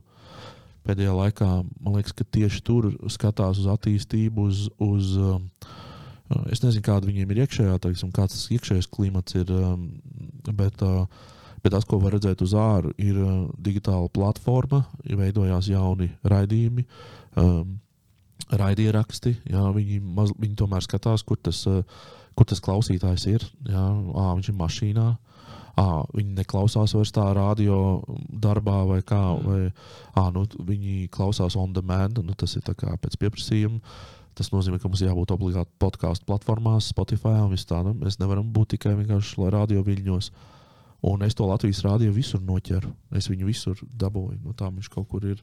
Diena, es pat tev nevaru pateikt, kurā brīdī esmu pieslēdzies radio viņiem, kurā brīdī es viņu klausos kādā platformā vai kā, bet es to saturu visu laiku dabūju. Un tas ir ļoti labs menedžments. Tas ir, nu, ir, tas ir ļoti. Nu, To prasmīgi, prasmīgi cilvēki var tikai izdarīt. To nevar izdarīt muļķis, to nevar izdarīt nejauši. Tā. Kas zīmīgi vispār tas LSMLV, ja, kas ir digitālais. Mm -hmm. uh, Es kaut kādā nesaprotu, piefiksēju, liekas, ka viņa UX ir tiešām labi sadarīts. Jā, nu, tādā es, ziņā, ka arī jā. es kaut kur, es, bet, es tiešām salīdzinoši lēti patērēju, bet ļoti ātri varēju visu atrast tādā ziņā, vajag maleči. Jā, ļoti labi. Nē, nu, paskaties arī Latvijas televīzijā. Nu, diemžēl tā situācija tāda ir, ka viņu tas reāls skatītājs ir 65. Plus. tā, nu, tā ir. Nu, viņi, viņi, piemēram, saka, ka viņu ir skatītākais kanāls. Skatītākais kanāls, principā, nu, ka, kurš skatās Latvijā televīziju lielā mērā. Tu jau, piemēram, skaties, ja tu skaties, tu skaties kaut kur ārpusē, tu skaties kaut kur kaut kādas e, YouTube izvilkumus, vēl kaut ko, nu, tu jau nesēdi, neskaties viengabalainu panorāmu. Es, neesmu, es neatceros, kad es pēdējo 15 gadu laikā būtu tā nosēdies un no A līdz Z noskatījies panorāmu. Kaut gan es tur kādreiz strādāju. Man ir vēlēšana naktis tikai. Laikam, Varbūt, jā, bet es arī pat vēlēšana naktis vairs neietpringstu. Es pat dombu nevaru noskatīties. Vispār vienkārši kaitina daudzas lietas. Ne, nekas zīmīgs. Kā, man, liekas, ka, man, liekas, ka ļoti svarīgi mums ir respektēt un cienīt tos, kas Latvijā kaut kādas lietas dara un cenšas izdarīt pēc iespējas labāk un no sirds. Tā man liekas, ir ārkārtīgi svarīgi lieta, lai nu, mēs ne, ne, nenogalina to. To motivāciju un to. Jā, jā un man liekas, ka tiešām ir, ir viss, vis, ko es varu pateikt. Laikam, es, es, es ārkārtīgi novēlu. Es tiešām saprotu, ka man tas viss aiziet uz vadītājiem. Uh, Jo savā ziņā, nu, piemēram, es esmu redzējis kaut kādus, nu, kā manas mēdījos, bija kaut kādas sešas dažādas vadītājas. Man, par laimi, principā, man liekas, ka man paveicās rēķi, mm. uh, kas ir labs producents. Ļoti labs producents, viņam ir ļoti labs ņuks uz, uz cilvēkiem, kā tādiem, kuriem tur dot iespēju un tā tālāk. Uh, un tad es esmu redzējis, salīdzinājis ar citiem kaut kādiem vadītājiem. Tad, uh, tu saproti, ka vadītājs uh, ir nu, tiešām vai nu, viņš ir korķis, vai viņš ir bremze, viņš ir gāze, vai viņš ir sajūgs. Bet uh, tā ir ārkārtīgi liela lieta. Un, man liekas, ka mēdījiem šajā situācijā izdzīvot ir ļoti piņķerīgi. Uh, man bija jautājums par to, kad Latvijā vispār kāda satīra uztaisīs beidzot. Nu, piemēram, tāpēc, ka satīra ir vajadzīga daļa no kultūras, piemēram, vai, vai humors. Jā, vai pētnieciskā žurnālistika, kurai jābūt ļoti kvalitatīvai. Kur Ingūna Spriņķa cenšas ar komandu taisīt. Jā, bet, daži bet... projekti viņiem sanāk labāk, daži nu, kā mums latvieši, man liekas, ka viņiem nu, nav pārāk sekmīgs veiksmīgs projekts un tā tālāk. Bet arī tur var runāt par to, nu, rēķini, cik viņi tur ir. Uh, uz vienas, divu rokas pirkstiem saskaitām cilvēku, 3, 4, kas pēc būtības ir uh, 4, fantastisks jā. izdegšanas risks. Jā, jā. Fenomenāls jā. izdegšanas risks. Mm. Nu, viņi uztaisīs vēl trīs pētījumus. Viņi vienkārši pateiks, nu, sorry, mēs, mēs vairs to nevaram pavilkt. Nu, kas, kas tad notiks pētniecisko žurnālistiku? Jebkurā gadījumā šis man liekas, liels jautājums par Nepla, pie, pie saimnes mediju, mediju komisijas un tā tālāk. Tas ir jautājums par tirgus aizstāvēšanu. Jo man liekas, ka ir malīgs, ka Delfa un TVNets kaut ko mēģina darīties ar kaut kādiem abonējošiem variantiem, kas skatās un mēģina meklēt kaut kādas risinājumus. Un tiešām, lai izdodas darīt visu maksimāli labāko, kas ir. Tāpēc, ka, nu jā, tas ir tas. Man, man vienmēr tas ir jautājums par to, ka ar klikbeitiem uh, tu pazaudēji savu uh, um, tādu intelektuālo ietekmi ar klikbeitiem. Un uh, arvien vairāk, arvien vairāk tie klikbeiti parādās. Un, Un um, vajag novēlēt, lai tas intelekts ir tajās, tajos mēdījos, lai tur ir spēcīgi, jaudīgi cilvēki, kas var kaut kādas lietas taisīt. Starp citu, ja, es, ja man atļauts vēl mazliet pateikt, es uh, tieši šajā mēdīju jomā daru līdzīgu lietu kā tu par to izglītības sistēmu. Es arī taisu savu, pašu, savu paralēlo, realitāti.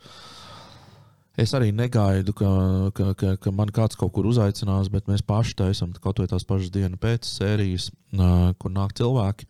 Mums šobrīd ir jau pie 300 sērijām, kurās ir sarunas, vienkārši sarunas, gudras, inteliģentas sarunas ar cilvēkiem, kuri ir viedokļu līderi, kuriem ir jēdzīgas šīs domas. Uh, Tāpat es veidoju um, raidierakstu par ekonomiku, finansēm un uzņēmējdarbību mediāna. Kāpēc? Tāpēc, ka vienkārši Latvijā nav uh, audiovizuāls uh, piedāvājums tieši par šo tematiku.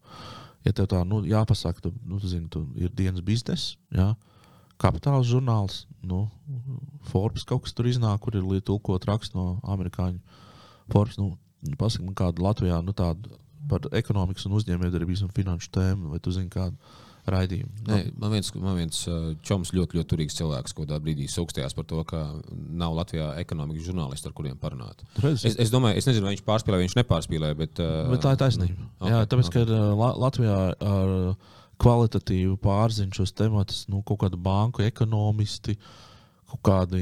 Nu, un arī no kaut kāda atsevišķa leņķa. Arī jā. no kaut kāda atsevišķa leņķa. Viņi skatās, protams, no savu, savām. Jā, un kas ir vēl zīmīgi, man liekas, ka vēl milzīgais jautājums par to, ka mums ir jānošķir cilvēki, kas strādā algotus darbus ekonomikas struktūrās un kas ir uzņēmēji. Mm. Tās ir divas pilnīgi dažādas sugas. Man kaut kādā brīdī saka, ka.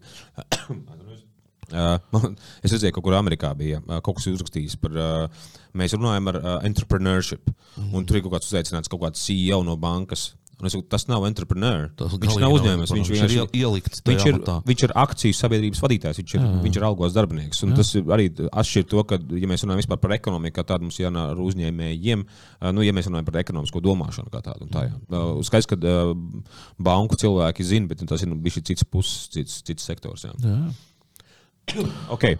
Uh, so, tagad klausies parunājam par tādu vienu tādu dīvainu, kutelīgo tēmu, kas ir saistīts ar visām konspirācijas teorijām. Uh, Un, uh, man ir interesanti ar tevi par to parunāt tā iemesla dēļ, ka uh, konspirācijas teorijas, uh, manuprāt, viņām ir vieta būt.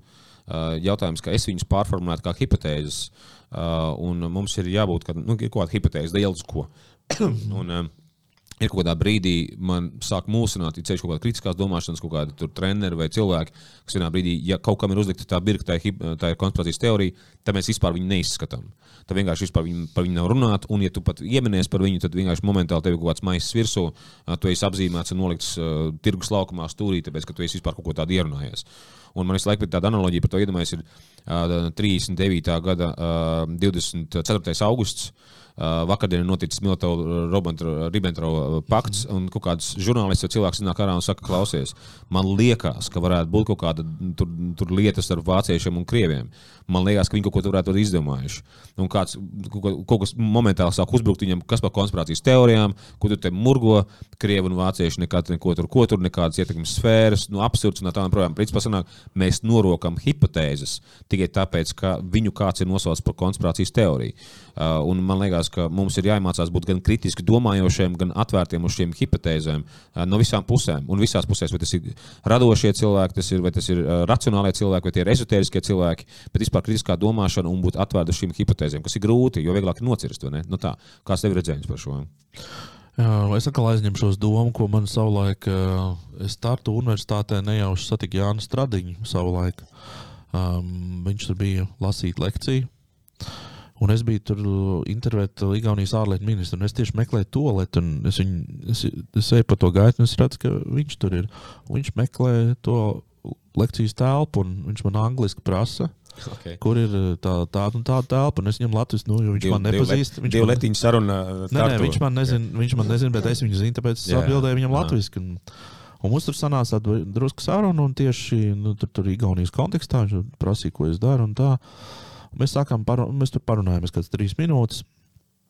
Un uh, tas, ko es atceros, viņš ļoti labi lietu pateica toreiz. Viņš teica, tas, kas atšķir, nu, tur konkrēti spīgāņi runāja, bet tas, kas atšķir uh, tādu izglītotu sabiedrību, ir tas, ka viņi nekrīt uh, tādās polarizācijās, viņi nepolarizē lietas. Mm. Tātad uh, tāda inteliģenta, gudra cilvēka, viņi nav melns, balts, augsts, uh, karsts, labs, slikts kategorijās. Viņi nekad tā nedomā. Uh, Viņi nav augšā, lejā, augšā, lejā. Jo tie cilvēki, kas ir augšā, lejā, viņiem finanses vienā brīdī baigi labi, tad viņi nokrīt lejā.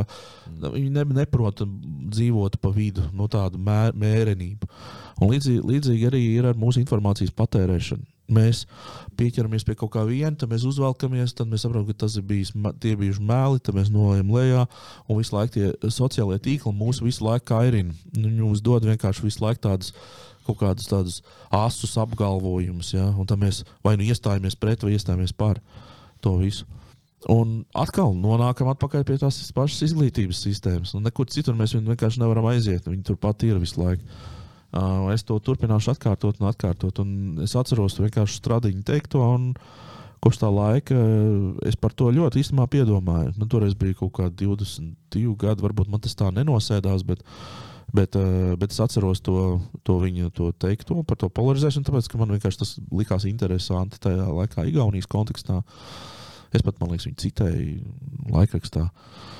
Un, un, un, un tā. Un, un, uh, jā, tā kā es pilnīgi tev pievienojos tajā, tajā ka tu saki, ka nu, mēs esam sadalījušies tādos, kas viens ir kā kārmas latviešu, vai otrs ir nozara. Skepti latvieši. Jā, un tad ir uh, farmas latvieši. Nu, har, uh, kārmas Karmas un farmas jā, latvieši. divi. jā. Un nekas cits pa vidu nevar būt. Jā, nu, tā kā- Daugavas abas malas, uh, karmas un farmas latvieši. Jā, un tas, tas, arī, ko tu teici, piemēram, kas domā ezotēriski. Jā. Es pazīstu cilvēkus, kas domā, nu, kas tic horoskopiem, bet viņi tic arī zinātnē. Nu, viņi tic zinātnē arī. Viņi zina, ka jā, un, un, un, un tu- kā nu varētu likties, nu, paga, ka tas kaut kas baigi dīvains. Nu, kā, nu, kā tu vienlaikus vari ticēt horoskopiem, kā tu vari vienlaikus ticēt zinātnē. Ah, Nu, nu, nu, nu, jā, nu, tas, ka tas cilvēks arī kaut ko ir palasījis un saprot, nu, saprot nu, ka jā, horoskopi jā, arī nu, attiecīgi tur, ja viņas pareizi māca tulkot, nevis tā kā nu, teiksim, mans kolēģis Edgars uh, rādīja, kad viņš uh, no rīta lasīja horoskopus, viņš uh, paņēma no, no, no kastītes kaut kādu izvilku un aunam šodien būs tas un tas un tas. Viņš noliek. Tā, tas mums varētu būt mežāzes, viņam, viņam būs tas un tas. Nu, viņš pats kaut ko sarakstījis. Tur. Tā kā, nē, es, es, es domāju, tā nop, nop, nopietnas pieejams tajā lietai. Šis ir interesants. Tas Jānis Stradiņa piemērs tādā ziņā, ka man analoģija vienmēr ir paliekama, ko es saku kritiskās domāšanas aspektā, ir, vai tu esi jau ticis pār tīņu vecumam. Jo tīnim ir raksturīgi būt kategoriskam. Un mēs, kad esam tīņi, mēs zinām. Mēs zinām, kā jādzīvo, mēs zinām, kas mums viss, vienkārši viss ir skaidrs. Principā, tas nozīmē, ka mēs neesam pat tajā stadijā, ka mēs apzināmies, ko mēs nezinām. Un ļoti ilgi daudziem cilvēkiem tas neiestājās dzīvē, ka viņi pat nezina, ka viņi nezina. ko. nākamajā līmenī. vienkārši, Jā. Jā, jā, un tad uh, kritiskā domāšana principā sākās no jautājuma, vai man ir visa informācija. Tas ir baigdīgi, kaut kādā brīdī man cilvēki prasīja, vai tu kritisko domāšanu māci, un es, es teicu, jā, bet tad jums jārēķinās, ka es diezgan daudz stāstīšu par to, kur man kaut kas nav sanācis, ka es esmu bijis pilnīgs losis. Te ir vienkārši viens ļoti labs piemērs. Polijā nokrita divas raķetes. Jā. Uh, pilns Twitters ir par to, ka nu, tā beidzot Krievijam sadosim. Nu, tā būs tagad NATO viņš celsies gaisā, tūlīt viss būs, un tur būs ieslēgts piektais pāns. Nu, nu, viss, nu, nu, viss trešais pa- pasaules karš ir sācies. Pēc diena, jā, vai pat diena nepagāja. Amerikāņi tur tie izmeklētāji vai, vai, tur, tur, tur paziņo. Pagaidām, šī īstenībā ir Ukrāņu raķetes. Viņi ir izšāvuši, lai, lai, lai, lai notriektu tās krievu raķetes, kas nāk. Vienkārši nu, tur nomalījušās, vai kas tur nu, vienkārši ie- ielidojušas Polijā. Nu kā, viss Twitter bija vienā vakarā pilns ar uzsprādzes to, ka nu tikai, nu tikai, nu tikai. Nākamā dienā visiem ir. Ai, jā, laikam kaut kā tā. Tomēr tie divi cilvēki tika nogalināti no Ukrāņu raķetēm. Nu. Nu, nu, arī tas, ka mēs ļoti daudz kur steidzamies, ko tu ļoti pareizi pateici, man, man nav visa informācija. es arī varētu uh, ir atvērt Twitter un sākt kaut ko tādu rakstīt. Nu, ka, nu, tā beidzot, nu, tā beidzot. Ja? Bet vai man ir visa informācija? Nav. Sapratu, te bija šis lielais jautājums par to, kas uh, Covid laikā notika, par ko es tiešām paliku ļoti tramīgs. Ļoti tramīgs. Uh, parādījās jautājums, kur ir Covid izcelsme. Vienkārši normāls jautājums. Jā. Nu, ir bijusi spāņu gripa, ok, tad ir bijusi tāda gripa, ok. Un um, kaut kādā brīdī sāk to cenzēt. Ja, Facebookā. Vienkārši ir jautājums, no kurienes viņi ir. Tā ir Wuhaņa vai tā nav Wuhaņa. Tā tālāk. Un tajā brīdī, kad liekas, ka Baidens pateica, ka mēs taisām komisiju, lai pētītu, vai tā ir Wuhaņa, atkal to informāciju atļāva. Bet tur ir tas paradoks, ka mēs tur ir, šis ir, nu, tie, kas tur čekošanu taisīja, arī, man liekas, no rečekmeitenes tur bija un tā tālāk. Tā bija viena no trakākajām lietām, liekas, kas ir bijusi. Nu, tādā, ja, ja mēs esam, piemēram, Amerikā ir First Amendment, jā, free speech, uh, tad uh, vispār brīvās runas un brīvās izpausmes, un principā ir kaut kāds jautājums. Uh, nu, tas bija traki. Un uh, savā ziņā uh, tas vienkārši parādīja, man liekas, ka vēl viena tāda liekama jautājuma atkal par profesionalitāti, ka uh, ja tu mēģini kaut ko pasargāt, piemēram, skaidrs, ka bija cilvēki, gribēja pasargāt uh, cilvēks pašu no sevis, kas, teiksim, saka, nevakcinēsimies, pieņemsim. Un uh, tā vietā, lai runātu gudri ar cilvēkiem, tā vietā tu vienkārši sāc kaut ko aizliegt.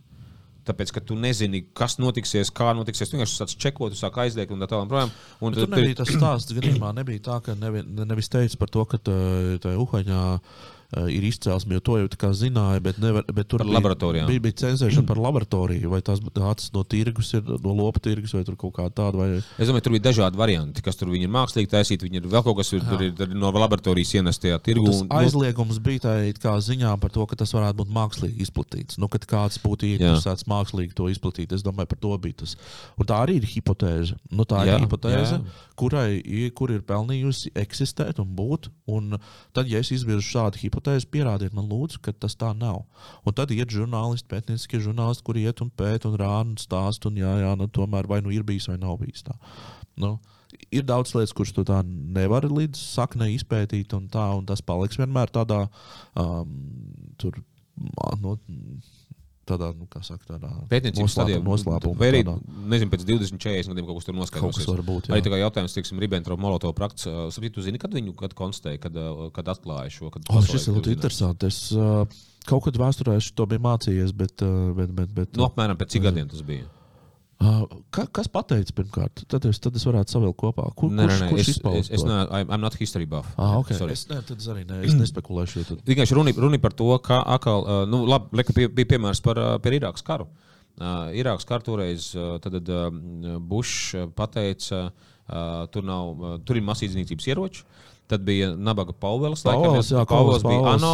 Tur bija tā trakā runa ANO, viņa, kurā viņš, viņš pateica, jā, jā, jā. Un, un zīmīgi... vēlāk atzina, ka viņa, viņš pret savu gribu to ir pateicis. Nu, restīvi, ka viņam, viņš laikā viņam ļoti nodrošināja, tiešām, ka, nu, cik saprotu, viņam ar ētiku viss ir kārtībā, atšķirībā no Džordža. Viņš ticēja, viņš ticēja, ka tā ir izdarīts tas mājas darbs, ka, tā, ka tas ir pareizi, bet viņš tāpat joprojām gribēja to sadaļu svītrot. Tur bija tas vēstures fakts, tāds, ka, ka viņi ar kondolīzu raisu tur nu, runājuši par to, ka varbūt ka vajag izņemt ārā šo mm -hmm. Tātad rekurija situācija, tad tiek paziņots to, uztaisīts karš.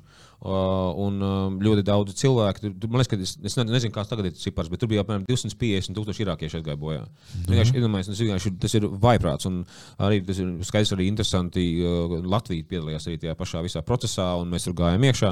Un tad um, pašiem amerikāņiem tur bija, es nezinu, varbūt to filmu es redzēju, uh, bija FBI aģenti, man liekas, ka ģimene, vai tā bija sieviete, vai tā bija abi divi ģimeņi, kas uh, konstatēja to, ka ir šis fakts bijis, ka tur ir melošana bijis no valdības puses un tā tālāk. Un um, arī iekšējā Amerikas sistēma, uh, security sistēma, respektīvi, ka viņi apslāpē viņu, viņai bija viņi grūti. Neļauj, jā, jā, viņai bija grūti dabūt to ziņā ārā uh, Amerikā. Pret viņu tur bija sankcijas iekšējās, un tur, jā, bija, jā, jā. tur bija traki. Tas jau, tas jau droši vien, nu, tas jau arī saprotams, nu, tādā lielā varā, tur, ka tas ir tas apgriezts pasauli otrādi vienkārši. Jau automātiski viss amerikāņus reiz pa sliktiem atkal. Jā, un nu, nu, atkal, kas ir zīmīgi, nu, nebija melots. Nu, tas, ir, tas ir traki, jo skaidrs, ka uh, tad šeit atkal mēs aizējām uz to, ka kaut kādā brīdī tu vari pateikt, ne, tā ir konspirācija. Nu, ko jūs tagad sakat? Skaidrs, ka Sadams ir Sadams Husēns ir sliktais. Vienkārši viņš ir sliktais. Bet, uh, ja tu melo, uh, nu tad. Uh, tu, tu, tu esi tāds pats kā viņi. Jā, jā, tieši tā, jā. Un uh, tu neesi ne pa kripatiņu labāks. Un sanāk, ja mēs gribam būt demokrātiska vide, demokrātiska sabiedrība, man liekas, ka uh, ir jāmāk šīs hipotēzes nu, atstāt atvērtas. Un paldies šai FIBA aģentei, uh, kas šo izvilka ārā. Un tad viens cits jautājums man aiziet uz to, ka, piemēram, ja kādam, gadījumā kādam pasaka, piemēram, ka Irākas karš nebija leģitīms. Ka ir, tas ir viens no trakākajiem noziegumiem savā ziņā, ko, nu, kas, ir, kas ir noticis pasaulē. Un tā tālāk. Um, un tu saproti, ka ir kaut kādi cilvēki, kas uzreiz pasakā, tā ir konspirācija. Tā, nu, tāpēc, ka varbūt viņi palaiduši šo otro fāzi vaļā, nu, garām. Garām nu, tā. Starp citu, runājot tagad, tagad par Amerikas vēlēšanām, uh, nu, Trumps pagājušajā reizē viņš zaudēja ja, Baidenam. Viņš pir, pirmais, ko viņš izdarīja, viņš teica, nu, ka uh, kaut kādos štatos tur ir. Uh, ir, ir, ir, ir, jā, jā, jā, ir viltots. Jā. jā, viltots un tā tālāk tajā, tajā brīdī, protams, ka neviens, nu, viss saka, ne, viss kārtībā, viss kārtībā, mēs veicam ātrās operatīvās pārbaudes, tur viss ir kārtībā. Paiet kaut kāds laiks, tad tomēr īstenībā kaut kas tur tomēr bija. Nu, kaut kādā ziņā, labi, Trumpam nebija taisnība, gan jau viņš arī neuzvarēja tas vēlēšanas, labi, ir. bet, bet viņš kaut kur viņam bija taisnība, izrādījās. Tātad viņš visur nebija melojis. Teiksim, nevar tā izdarīt tā, ka, nu, tu mm. paskaties cilvēku, pasaka, viņš točni visur melo. Kaut kur viņš bija teicis patiesību. Uh, tagad viņš atkal nāk pie varas. Uh, es nezinu, jautājums tev, kā tev šķiet, viņš, nu, ņemot vērā visu to mēdīju situāciju un amerikāņu to tur uh, uzkurinātību un vispārējo 24. gadā būs prezidents vai nē? Man liekas, ka nē. Uh, Desantus, iespējams, ja vispār republikāņi tiks atdoši Desantus, uh, bet uh, tur ir viens interesants paradoks, ap citu. Uh, par šo tīnismu, par šo svārstīšanos un kritiskās domāšanas trūkumu. Um, dažkārt cilvēki ir pārsteigti, ka, piemēram, es saku, um, tad ir Rekvija Lembergs, jā. Jā, piemēram. Uh, Aivars Lembergs, kurš uh, man liekas, ka uh, kaut kādā brīdī, kad viņš sapratīs, ko viņš Latvijā ir izdarījis, viņš pats saķers galvu. Ka viņš sapratīs, bet tiešām cilvēciski sapratīs, ko viņš ir izdarījis. Jo uh, tur ir tas ir no apbrīnojumiem. Ne, ne, ne tikai par kaut kādām korupcijas lietām, bet tieši, tieši aspektā uz to, kā tas atspēja iespēju uz jauno paudzi. Mhm. Uh, man, uh, Es domāju, viss vis tas, ko es minēju arī par tām visām. Uh, mūsu vispār morālo tādu kompasu un vispārējais ļoti daudz, kas ir īstenībā jāpasaka paldies tieši Lembergam. Pilnīgi iespējams. Un te ir vienkārši viena ļoti svarīga nianses. Es negribu būt melnbalts šajā ziņā. Mm. Tātad, piemēram, ja mēs runājam par Aivaru Lembergu, tad es gribu mācīt, pateikt, ko viņš labi dara. Tā ir viena no manām pazīmēm, ka cilvēks ir pieaudzis ka viņš nekrāmē vienkārši visu, ko Lembergs saka, ir slikti. Nē, Lembergs varbūt pasaka to labi, varbūt tur viņš ir precīzs. Uh, Ventspīlī varbūt tas ir labi izdarīts, varbūt šis ir labi izdarīts. Un tā tālāk, projām, ka mēs neesam melnbalti, uh, tas nozīmē, ka mēs, es, es teiktu, ka mēs neesam primitīvi. Un šī, man liekas, ir ārkārtīgi svarīga lieta. Tas, kā, piemēram, kādā brīdī, kad uh, Lembergs tur tika uh, ielikts tajā apcietinājumā, man pirmais jautājums bija, lai tas ir korekti. Lai tas nav atkal tā tikai tāpēc, ka viņš ir kaut ko sliktu izdarījis, un tāpēc, ka mums skaidrs visas tās rīzes sarunas un visi tie pierādījumi par to, kā viņš tur ir. Nu, tur, tas vienkārši apbrīnojami. Tā, man atkal joprojām ir jautājums, lai tas ir korekti, lai tas ir godīgi, lai tu spēlē godīgi. Nevis tāpēc, ka viņš ir sliktais, tāpēc mēs varam izturēties pret viņu slikti. Un vienkārši viena nianses, uh, ko es ko, nezinu, ko tā mistiskā veidā uzdūros Amerikā uz šo pētījumu, ko valsts ieņem dienests viņam, viņu uh, CRI vai kā viņi to sauc? IRS. IRS jā, uh, kas pateica par to, ka. Ja sabiedrībā nomainās par vienu procentu attieksmi pret valsti, tad valsts zaudē triljonus. Es ne, neesmu cipars, bet let's say milzīga naudas summa tikai, ja nomainās attieksme. Ja tas nozīmē, ka mums ir kaut kāda situācija, kad rītdienas sarunas kur konstatē, ka valsts tiek nozagta, reku, tas tas, vai arī būvniecības kartels, reku, tas, tas, tas, tas, tas nozīmē, ka Latvijā varētu taisīt pētījumu, ka par 10% cilvēku uh, samazinās vēlme maksāt naudu nodokļus. Precīzi. Un šis ir stāsts par to, ka uh, šis uh, socioloģiskais, antropoloģiskais fenomens, kas notiek, kad šie cilvēki, kas veido politiku, un viņi, es, es, es zinu, ka viņi nesaprot to, kā tas ietekmē parasto cilvēku.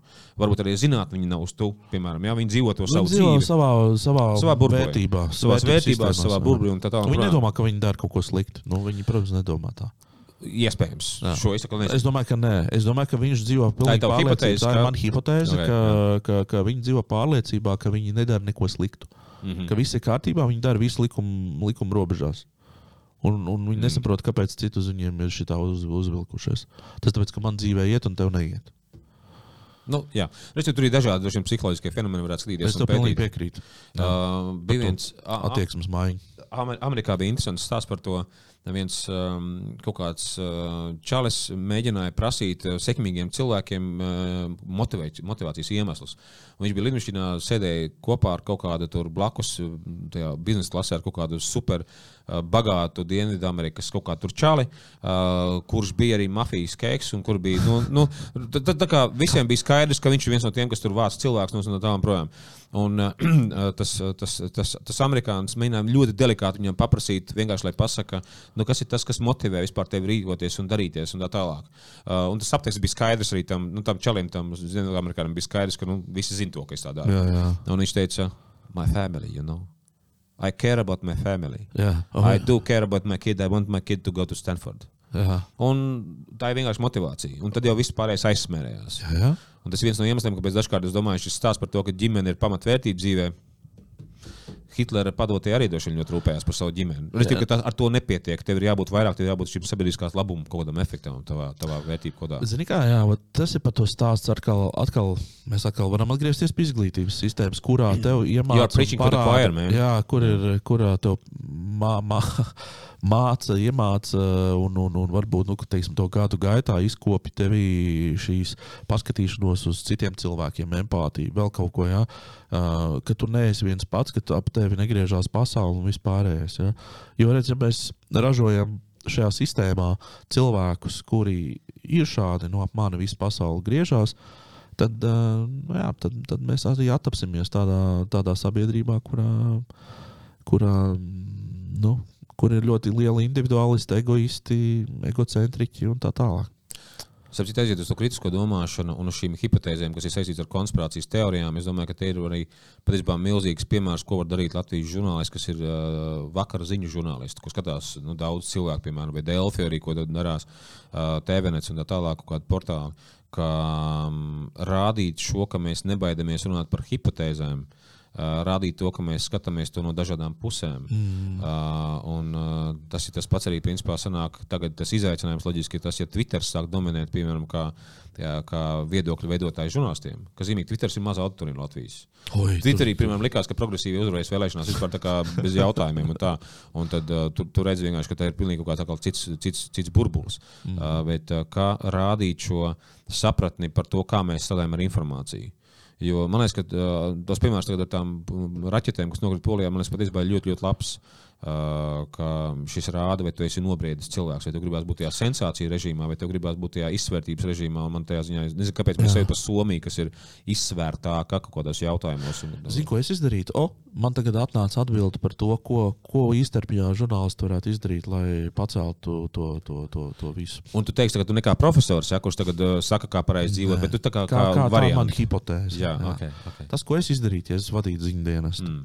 Es, pāriet no, tā, no tās 80, 20 um, paritāte, kur ir tas 80% mēs rādām, ko, ko šodien darīja valdība. Un, ko teica Kariņš, un, un tā tālāk, un ko, kas notika saimā, un, un tā tālāk, un prezidents, kur, ko ēda un ko darīja.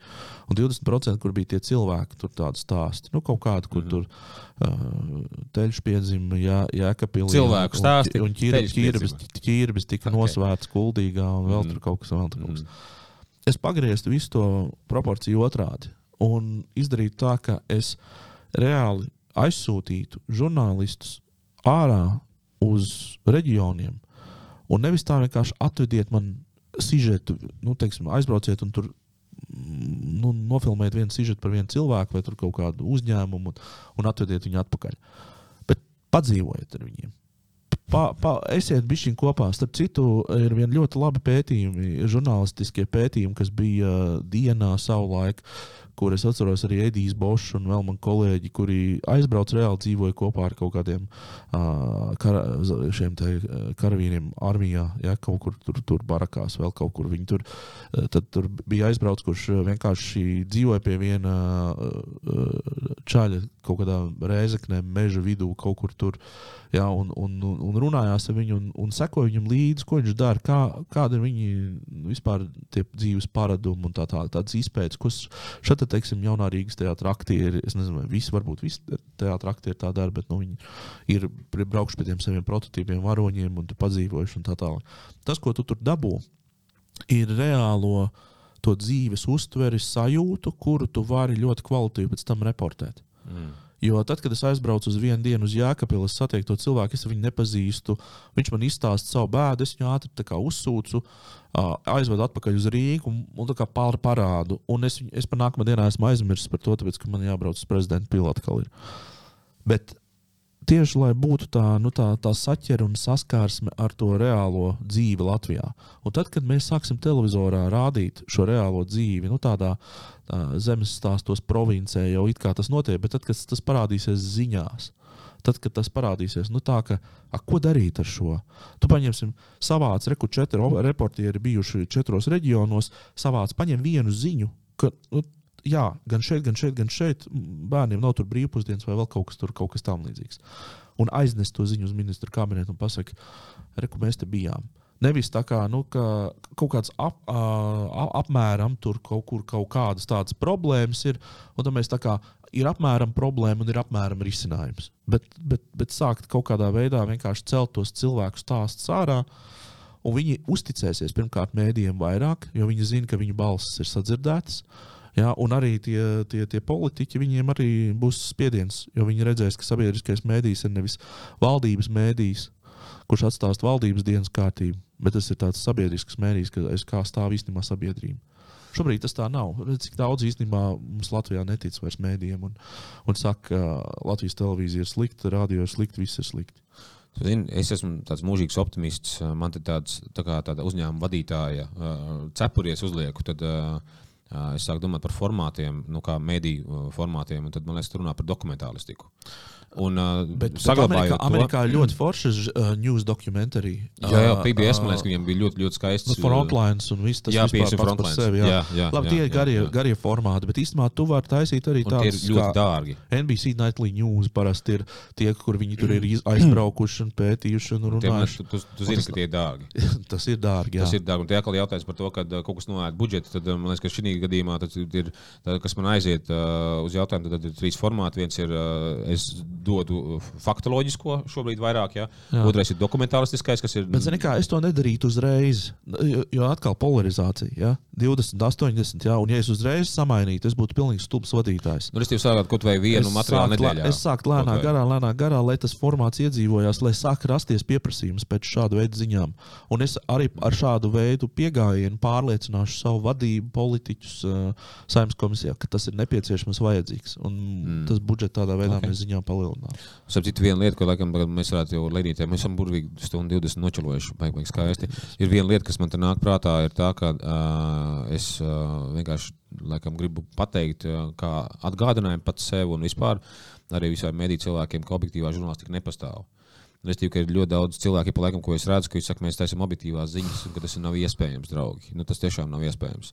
Un tas nozīmē, ka ir kaut kāda atbildība, kas gribot, negribot aiziet uz to, kā tu sakonstruēji teiksim, ziņu secību, vai uh, kā tu izmontēji kaut kādus mazus fragmentus no, no, no, no, no cilvēku atbildēm. Tā tālāk, projām, ka objektīvā žurnālistika nepastāv no vienas puses. Tas nozīmē, ka ir atbildība mūsos un žurnālistu uh, tajā, tajā pasniegšanas veidā, kā tiek veidota nu, tā paradigma, ko cilvēki domā, narratīvs. Un, un, un, un tad, ja tev kāds žurnālists saka, ka mēs veidojam objektīvus stāstus un sižetus, tu, ko tu vari secināt? Pirmais, ko es secinu, ir, ka tev skolā neko neiemācīja.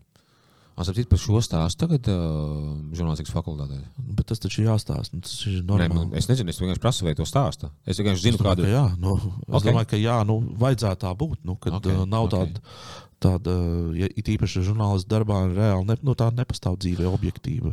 Un, saprāt, ir vēl viena lieta, laikam, ko es tagad fiksēju, ka uh, tad es biju žurnālists, un es nezināju, kādu žurnālistu varu, bet es biju ļoti īsi laiciņš, kaut kāds 3-4 gadus pašā, pašā sākumā. Mm -hmm. Tad es biju mēdījos, kur es sāku vienkārši producēt tos raidījumus, ko es tur producēju, un arī tad es nezināju, ir kaut kāda vara vai ietekme pār kaut ko, ka tu mhm. veido kaut kādu dienas krāptību. Tu pēc tam tikai domā, ka tev viss stāsta, mēs pēc tam runājam par to materiālu, ka pusi Latvija runā par to, ko tu esi uztaisījis iepriekšējā dienā, un domā, tas ir normāli.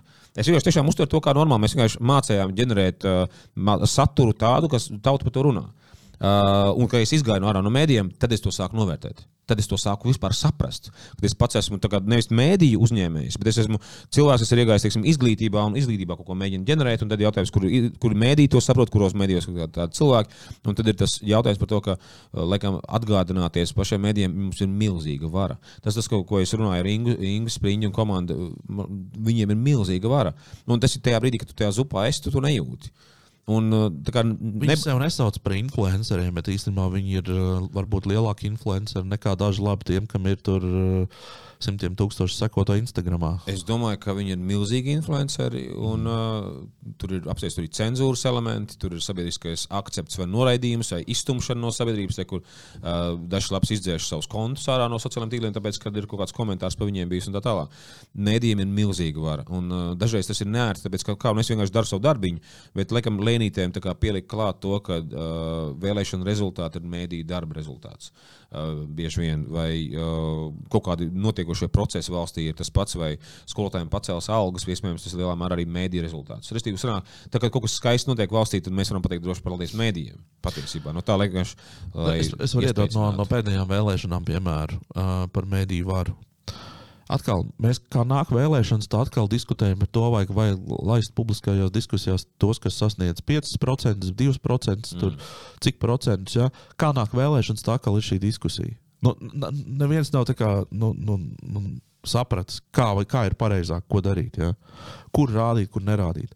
Tad atkal tas pats stāsts par to. Nu, ja, ja tu esi premjerministra kandidāts, ja, bet tu nebalotējies uh, vēlēšanās, nu, tā kā šajā gadījumā tas bija Lembergs un Pīlēns. Ja, divi. nu, mēs to nepielaidīsim par publiskajām debatēm. Vai tas ir pareizi vai tas nav pareizi? Ja, atkal, nu, it kā tās situācijas jau gada no gada at atkārtojas. Bet mēs kaut kā nemācāmies. Mēs kā kāpjam vienmēr uz tiem grābekļiem, un mums visu laiku katru reizi ir savi argumenti, kāpēc mēs tā darām, kāpēc mēs tā svaidamies, vai, vai, vai, vai nu, tā ir pareizi vai tā ir pareizi.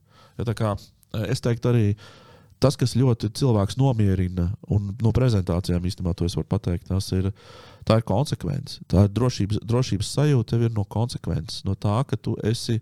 Um, Nu, tāds, tāds, tāds, tu, tu, tu pieņem lēmumu, un tad viņu konsekventi teiksim, uztur, ja, un tu viņu skaidro no savām pozīcijām visu laiku. Tā kā, nu, tas arī ir tas vien, viena lieta, ko, ko kā piemērs var pateikt par mēdīju ietekmi Latvijā. Man liekas, interesanti, ka varbūt dažreiz ir labi tos akmeņus, ko liekam pārcelāt.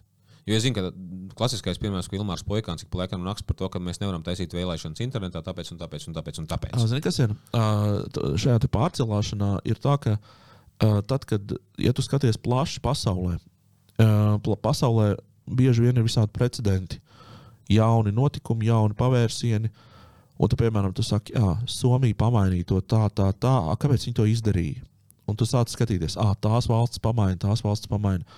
Pagaidām, mums arī vajag sanākt tagad kopā un pateikt, un paskatīties, vai mūsu reālā situācija atbilst tam, ko izdarīja Somija, Holanda, Zviedrija un vēl kaut kas. Jā, ir, ok, mainam. Mums ir pamatojums. Tāpēc, ka ir sabiedrība, ir notikušas kaut kādas mm, pārmaiņas. Jauna informācija. Jauna informācija parādīsies. Okay. Vai man ir visa informācija, un tad ir pienākusi jauna informācija, Precīzi. tad es kaut ko kā mainīšu, ir kritiskās domāšanas tāds gājums. Bet nedarīt tā, ka tur uz katrām vēlēšanām nāk jauns vadītājs, viņš saka, nē, nē, būs tie, kas ir 5% sasnieguši. Ja? Un tad tie pārējie netiek nekādā. Viņiem valsts finansējums ir un partijām. Bet nē, viņi netiks pie runāšanas. Tā jau tu nevari reāli nu, radīt veselīgu konkurenci. Jā, Nu, klausies, paldies tev par sarunu. Mēs esam ārkārtīgi te nočelojuši, un es vēlēšu visiem mēdīt cilvēkiem uh, spēku izturību, un lai ir uh, duka uh, darīt to labāko, kas ir valstī iespējams, tāpēc, ka tiešām tā, tā vara un tas spēks, kas mēdījos, ir milzīgs. Un, un, un dariet visu to labāko no sirds, un es ticu, ka izdosies. Un es ceru, ka tev izdosies visādas lietas, un varbūt mēs varēsim kādreiz kādu izglītības projektu saķimēt kopā. Saķimērējam, jā. okay, paldies, tev, Mīļšā. Paldies visiem! Thank you.